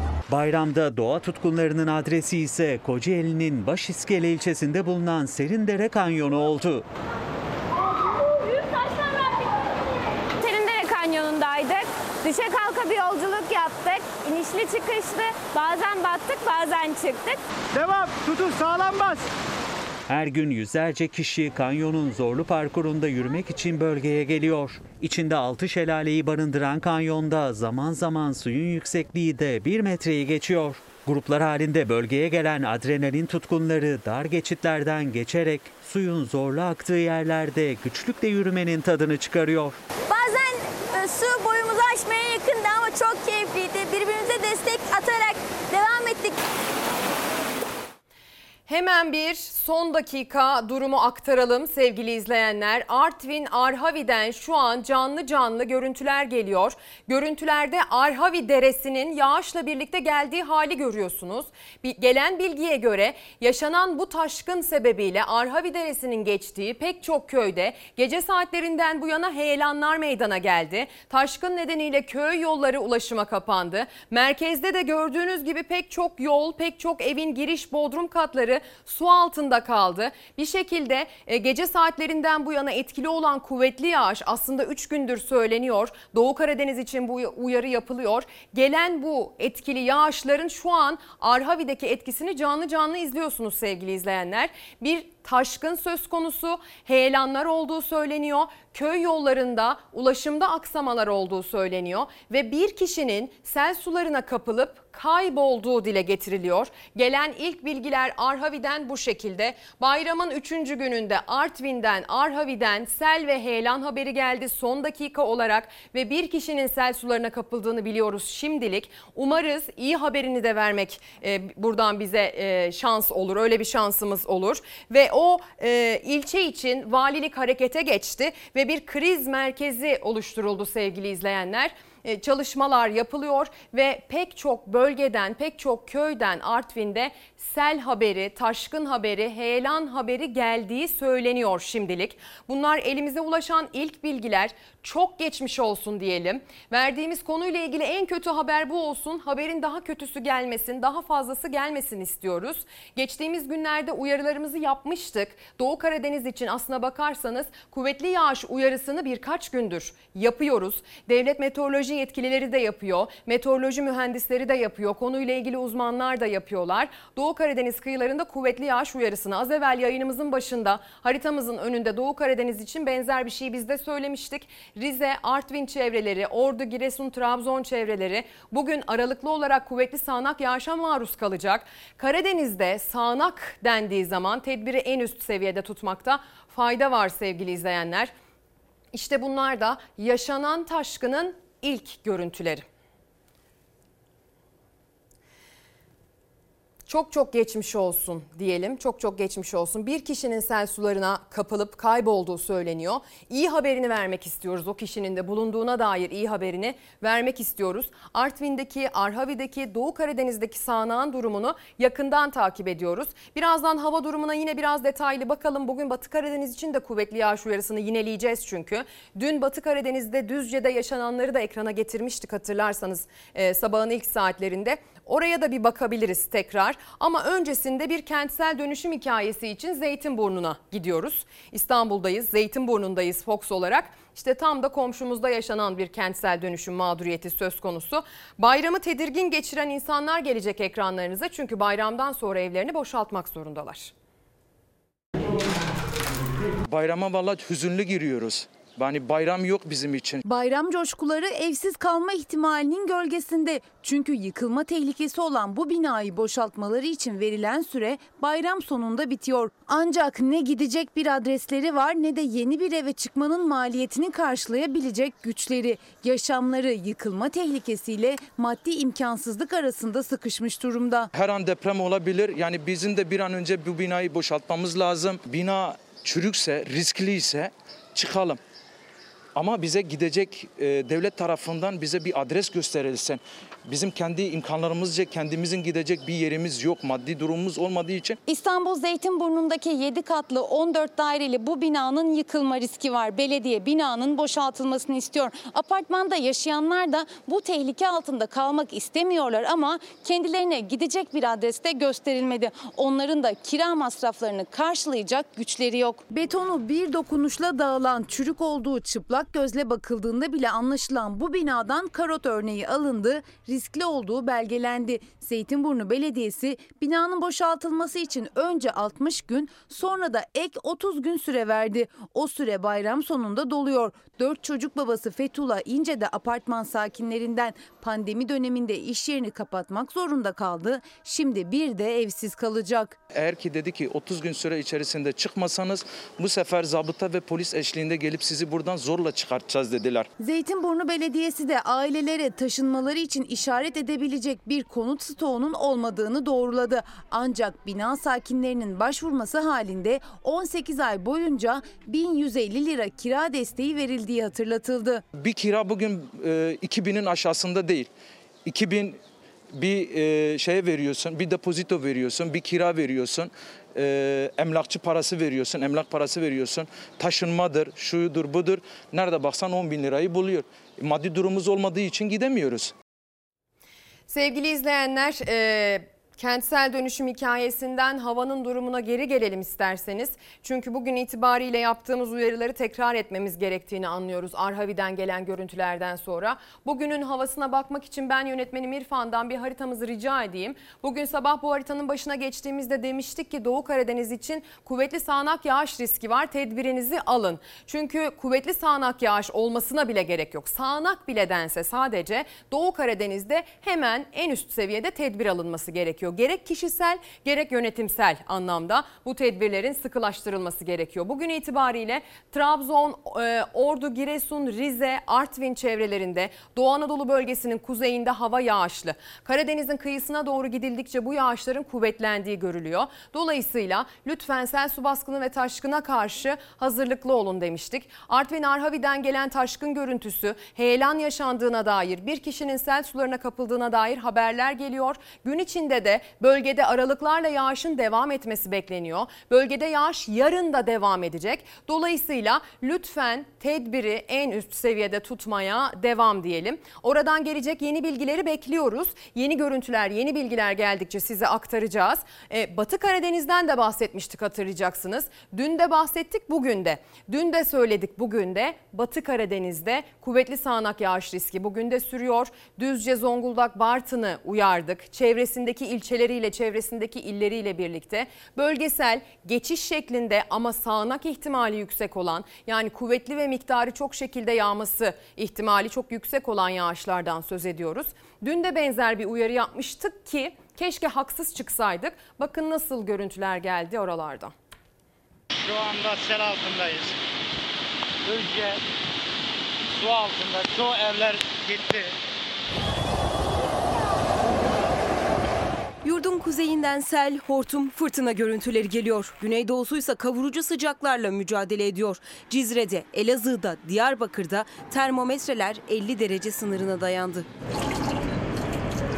Meteoroloji verilerine göre son 60 yılın en sıcak günlerini geçiriyor Şırnak, Cizre. Dün termometreler 49 dereceyi gösterdi. 1998 yılında 48,5 dereceyle Türkiye'de sıcaklık rekoru kırmıştı. 23 yıl sonra ilçe kendi rekorunu kırmış oldu. İlçede saat 11-17 arasında hayat adeta duruyor. Esnaf dükkanını kapatıyor, kliması olan evden dışarı adımını atmıyor. Elazığ'da ise hava sıcaklığı 47 dereceye ulaştı dün. Cadde ve sokaklar boş kaldı. Bugün evden çıktığımda 45'i ben telefonda gördüm de yani hissedilen 49 civarı bir şey ama. Hakkını helal edin arkadaşlar. Şu anda sel altındayız Düzce'de. Yurdun güneydoğusunda kavurucu sıcaklar etkiliyken kuzeyde fırtına vatandaşlar için hayatı kabusa çeviriyor. Bartın'da ve Zonguldak Filyos beldesi açıklarında oluşan hortum korkuttu. Her iki ilde de çevreye zarar vermeden hortumlar yok oldu. Al Düzce sel altında. Allah'ım sen benim arabamı koru ya Rabbi. Fakat Düzce'de şiddetli yağış su taşkınlarına neden oldu. Dağ köylerinde taşan dereler nedeniyle menfezler tıkandı, tıkanan menfezler yolları kapattı. Yurdun geri kalanında da sıcak hava etkili. Parklar, bahçeler hemen her ağaç altı dolu. Deniz kıyısındaki şehirler biraz daha şanslı. İstanbul'da Menekşe plajında dün görüntülenen yoğunluk büyük şehirlerin sıcakla mücadele tablosu gibi. Sevgili izleyenler sıcaktan da korunmak gerekiyor, kuvvetli yağıştan da korunmak gerekiyor. Meteorolojik her aşırı durum bizi tedbir almaya yönlendirmeli. Bunu kendi sağlığımız için de yapmalıyız, yaşadığımız şehirler için de yapmalıyız. Bugün de yine özellikle sabah ve akşam saatlerinde Batı Karadeniz'in kıyısında, Düzce, Zonguldak, Bartın'da zaman zaman yağış kuvvetli sağanak yağış şeklinde düşebilir. Aman dikkat. Doğu Karadeniz'den gelen görüntüler az evvel hepimizi üzdü. Benzer bir durum yine yaşanabilir. Bölgede Doğu Karadeniz'in kıyılarında yine kuvvetli sağanak yağış ihtimali sürüyor. Yarın batıdaki kuvvetli sağanak yağış yerini daha açık bir gökyüzüne, daha düşük bir yağış ihtimaline bırakacak. Ancak Karadeniz'in doğusundaki yağışlar yarın da sürecek. Nispeten daha hafif olacağı benziyor bugünden bakıldığında ama yağış devam edecek Doğu Karadeniz kıyılarında yarın da bayramın dördüncü gününde de. Devam edelim biraz ekonomiden söz etmemiz gerekiyor. Salgın dönemini müşterisiz geçirdi biliyorsunuz. Normalleşme adımları atılmaya başladıktan sonra aslında esnaf daha iyisini ummuştu ama umduğunu bulamadı. Ne normalleşmeden ne de kurban bayramından. Durum pek içler açıcı değil. Beklediğimiz bayram hareketliliği yok. Alışveriş sıfır. Emekli maaşımız olmasa geçinemeyecektik. Esnaf salgın dönemini borçlanarak geçirdi. 1 Temmuz'da normalleşmeyle işlerinin düzeleceğini umut ediyordu ama bayramda bile umduklarını bulamadılar. Siftahsız geçen günlerine yenilerini ekliyorlar. Açıyoruz ama boşuna açıyoruz işte. Vakit geçirelim. Günde bir çorba parasını çıkartalım bir yine. Saat öğleni geçti. Bir çorba parası geldi mi? Hayır daha siftah yapmadık hiçbirimiz. Pandemi dönemini çok kötü geçirdik. Bir buçuk yıl ara ara kapattık, ara ara açtık, iş yapmadık. Ama kurtarabildiğimiz kadar kurtardık kendimizi ama bir buçuk yıl bir esnafın ayakta kalması mümkün değil tabii. Yüksek faizli krediler kullandık. Onlarla kiraları ödedik. Salgının başından bu yana kısıtlamalarla bir kapandı bir açıldı esnaf. Destekler de yetersiz kalınca borcuna borç ekledi. Pandemi zaten etkiledi. Kiralar zaten başını alıp gittiği için kiralarla baş edemedik. İşte elektrikti, suydu, eleman parasıydı derken pek işler açıcı değil zaten. Esnaf bayramda hareketlilik bekledi, satışlar artar diye düşündü. Salgında oluşan zarar bir nebze de olsa kapanır diye hesapladı ancak hesap tutmadı. Umutlarımız suya düştü desek inanın yani. Gelen giden yok. Sadece az önce arkadaşım bir tane kahve götürdü. Dün zaten tamamen yoktu. Yani hep zarar. İstanbul boşaldı yani herkes memleketine gitti ama eski bayramların hareketliliği yok. Bayram alışverişi gelir umuduydu ama öncesinde de bayramda da hareketlilik yok. Umudunu yitiren bayram boyunca dükkanının kepengini indirdi. Kimi ise belki bir gelen olur diye bekliyor. Sevgili izleyenler esnaf zor durumda. Evlatlarımız için, onların sağlığı, geleceği, eğitimi için ve esnafımızın, hepimizin ekonomik durumunun artık daha da zorlanmaması için içinde bulunduğumuz bu pandemi döneminin gereklerini yerine getirmemiz gerekiyor.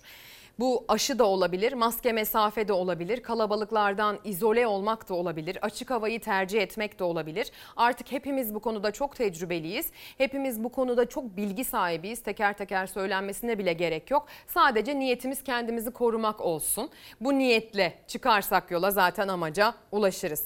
Az evvel selden bahsettik, sağanaktan bahsettik. Yaz ortasında aşırı yağışların yarattığı mağduriyetleri son dakika bilgisi şeklinde dahi verdik. İlk işin içinde bulunduğumuz bu iklim değişimi öyle bir şey ki bir tarafta bunu yaşatırken diğer tarafta susuzluk, kuraklık dedirtiyor. Adana'ya doğru gideceğiz. Geçtiğimiz günlerde Adana'nın susuz mahallelerini ekrana getirmiştik. Büyükşehir Belediye Başkanı Zeydan Karalar o mahallelere bayram ziyaretinde bulundu. Bayram hediyesi olarak da su götürdü.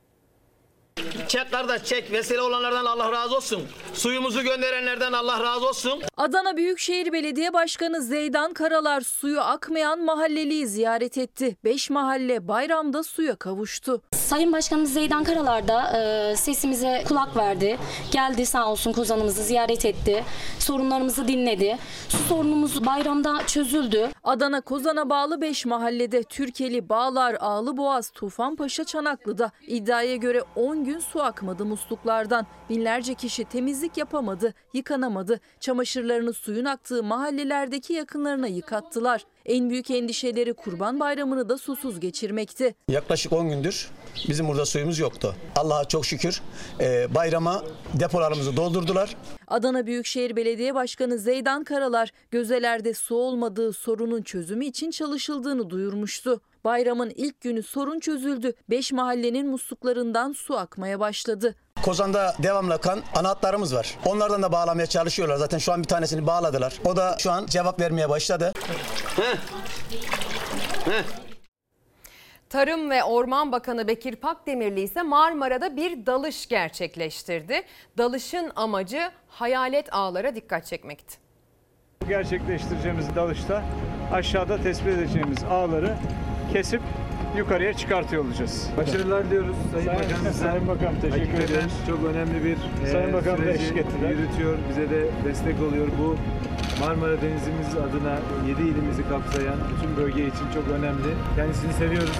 Destek oluyoruz. Biz de burada inşallah onu takip ediyor olacağız. Çok çok teşekkür ediyoruz Sayın Bakanımıza da bugün beraber olduk.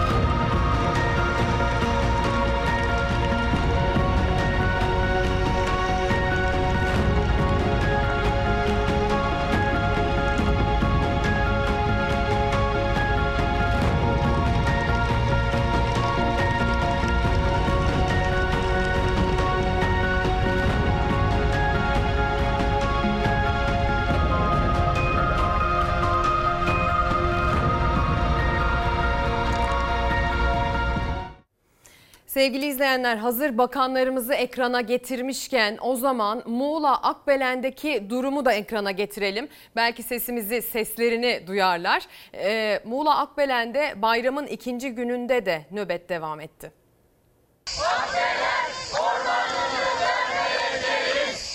Günlerdir nöbette İkizköylüler Akbelen Ormanı'nda ağaçlar kesilmesin diye verdikleri mücadeleye aldıkları destekle devam ediyorlar. Muğla ilinin yüzde 59'u tüm ilin, ormanların yüzde 65'i, tarım alanlarının yüzde 48'i, tabiatı koruma alanı ve milli parkların yüzde 66'sı maden için ruhsatlandırıldı. Muğla'ya bunu düşman yapmaz. Ne alıp veremediğiniz var Muğla'dan? Maden yasasının acilen revize edilmesi edilmesi gereklidir. Muğla Milas'ta İkizköy Mahallesi'nin Akbelen mevkiindeki 740 dönümlük ormanlık alandaki ağaçlar İkizköy halkının tüm itirazlarına rağmen kesilmeye başlandı. Bölge halkı ağaçların kesilmesine karşı iptal davaları açtı. O davalar sürerken iddiaya göre kesim devam etti. İkizköylüler çalışmaya engel olmak için ormana çadırlar kurdu. Nöbet tutmaya başladı. 1993'ten bu yana tam 6118 çet olumlu görüş verilmiş. Sadece 60 kez çet raporları olumsuz görüş verilmiş. Niye? Çünkü bu ülkede çet raporları kamuya bağlı bağımsız kuruluşlar tarafından yapılmıyor. İkizköylülerin mücadelesine destek yağdı. Son olarak köylüleri CHP Muğla milletvekilleri Süleyman Girgin ve Suat Özcan, parti meclisi üyesi Gizem Özcan, CHP il yönetimi, kadın kolları ve Milas ilçe örgütü ziyaret etti. Özel sektör kendisi o bölgeden en yüksek faydayı karı edip çekip gidiyor ama pisliği, eziyeti yöre halkına kalıyor. Biz doğayı korursak doğa da bizi korur. Evet. Başka bir Akbelen ormanı yok. Başka bir Muğla yok. Başka bir Türkiye. Ormanlarımızın katledilmemesi için, doğal güzelliklerimizin korunması için, enerji konusunda yapılacak yatırımların yerlerinin belirlenmesi konusunda maalesef hep isabetsiz kararlar alındığını verdiğimiz pek çok haberde görmemiz mümkün sevgili izleyenler. Biz de böyle bir e, mücadele varsa eğer bu mücadelenin takibini yapmayı haber merkezi olarak bir görev biliyoruz. E, haber değeri çok yüksek nitelikteki haberlerimizden birisi olarak görüyoruz. Çünkü bu bir vatan millet meselesi, bu bir milliyetçilik meselesi bile diyebiliriz aslına bakarsanız. Evlatlarımız için aşırılarımızı olalım diyen izleyicilerimiz ekran başında. Derya Şeker Tarsus onlardan bir tanesi. Pek çok e, güzel mesaj var. Memleketi Arhavi'yi sel bastığını bizden gören izleyicilerimiz üzgünler. Biz de oradan gelecek yeni bir haber olursa aktaracağız, bekliyoruz. Yıldız Banoğlu göndermiş bu mesajı da. E, evlatlarımız için diye yola çıktık. Siz de çok teveccüh gösterdiniz gerçekten bu başlığımıza. Çünkü anne babaların ekran başında olduğunu ve çok da tedirgin olduklarını biliyoruz. Mesajlardan anlayabiliyoruz. Kurban Bayramı dilekleriniz geliyor. Ee, pek çok e, günaydın dileği geliyor. Hepsi bizim için çok kıymetli. Bizi eleştirenler var. Çocuklara maske tak dediğiniz için işte utanmalısınız diyen bir izleyicimiz var mesela. Ee, ismini çok okuyamıyorum. Rumuzu biraz zor okunuyor. Ee, biz söylemiyoruz, biz tavsiye etmiyoruz. Uzmanlarını davet ediyoruz. O uzmanlar da sağlık otoritelerinin aslında e, araştırmalarının sonuçları olarak bunu söylüyorlar. Kanıta dayalı bilim e, diyoruz buna. Kanıta dayalı bilimsel bilginin sonuçlarını aktarmak her zaman için önceliğimiz diyelim. Bir de engelli hakları kullanıcı adıyla bir izleyicimiz 200 bin engelli atama bekliyor. Engelliler 3 gün e, bakanlığın önünde nöbet tuttular ama bu kadar görmemezlikten gelindiler. Engelliler ikinci sınıf insan olarak görülmemeli diyor izleyicimiz ki katılmamak mümkün değil. Sıradaysa görme engelli Boğaziçi mezunu bir öğretmenimizin hikayesi var. Bakın onun yolunu kim aydınlatıyor?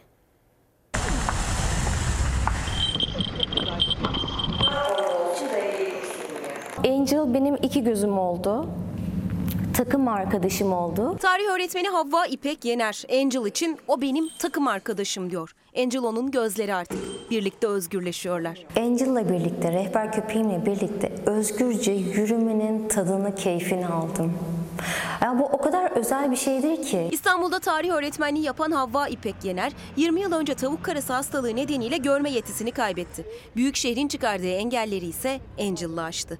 Rehber Köpekler Derneği kurulduğunu öğrendiği gün hayatı değişti. Biz bir ay kadar önce tanıştık Angel'la ve eğitimimiz başladı. 3 hafta oldu. Eşleşme eğitimimiz devam ediyor. Türkiye'deki 5 rehber köpekten biri Angel. Havva öğretmenin en büyük yardımcısı, çocuğu ve öğrencilerinin de sevgilisi. Günlük rutinimi çalışıyorum. Yani eve gidişime, evi nasıl bulabilir? Onun hayatındaki rutinlere adapte olmuş Angel önce. Ardından hayatını kolaylaştırmaya başlamış. Eşimle birlikte parka gittiğimizde eşim çocukla ilgileniyor fakat ben onları takip edemiyorum. Kenarda bekliyorum. Fakat Angel'la birlikte artık onları ben de takip edebiliyorum.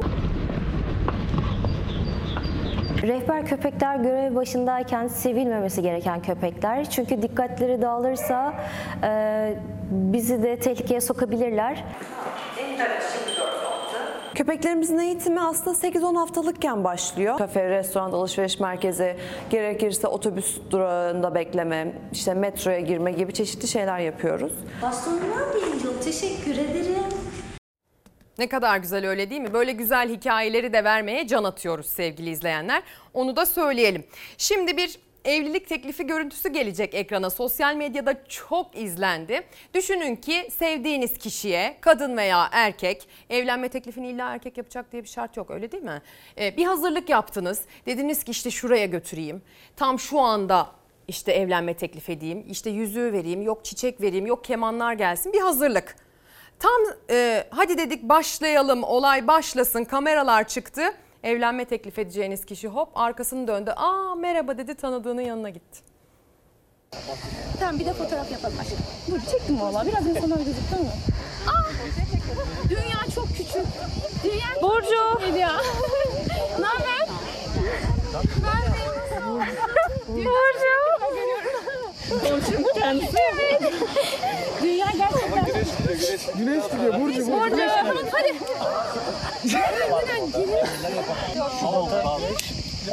Ben yeniden aşık oldum. Bizim için de olsun. Evet. Aha oğlum lan. Neyse mutlu sonla bitmiş hiç değilse güzel de bir anısı kalmış. Ee, şimdi o zaman bir e, sanatçımızı anarak onun güzel şarkısına kendimizi şöyle bırakarak e, sizi reklama uğurlayalım. Harun Kolçak diyeceğiz 19'unda geçtiğimiz e, 19 Temmuz'da kendisinin 4. ölüm yıl dönümüydü. Onun anısına onun güzel şarkısıyla. Öyle savunmasız bir zamandı bulduğunda beni Sen başlattın seni Bu sözlerim sitem değil ama yazık değil mi bana? Çok yalnızdım kaybolmuştum sığındım işte sana. Kaygılarım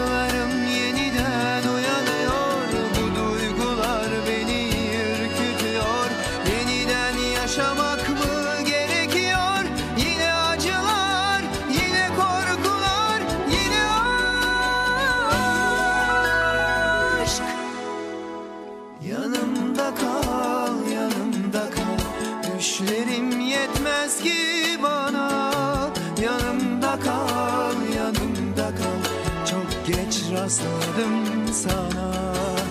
Yanımda kal, yanımda kal. Düşlerim yetmez ki bana.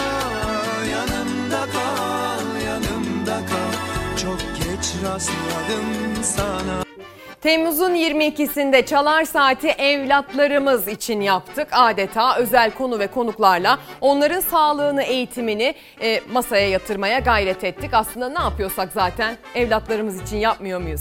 Buradan tüm bayram çocuklarına ayrıca bir selam gönderelim. Onların bayramını ayrıca kutlamış olalım o zaman bugünün özelinde sevgili izleyenler. Yarın da bayramın son günü. Yine bir sabah saat 8'de burada olacağız. Siz de oralarda olursanız iyi olur.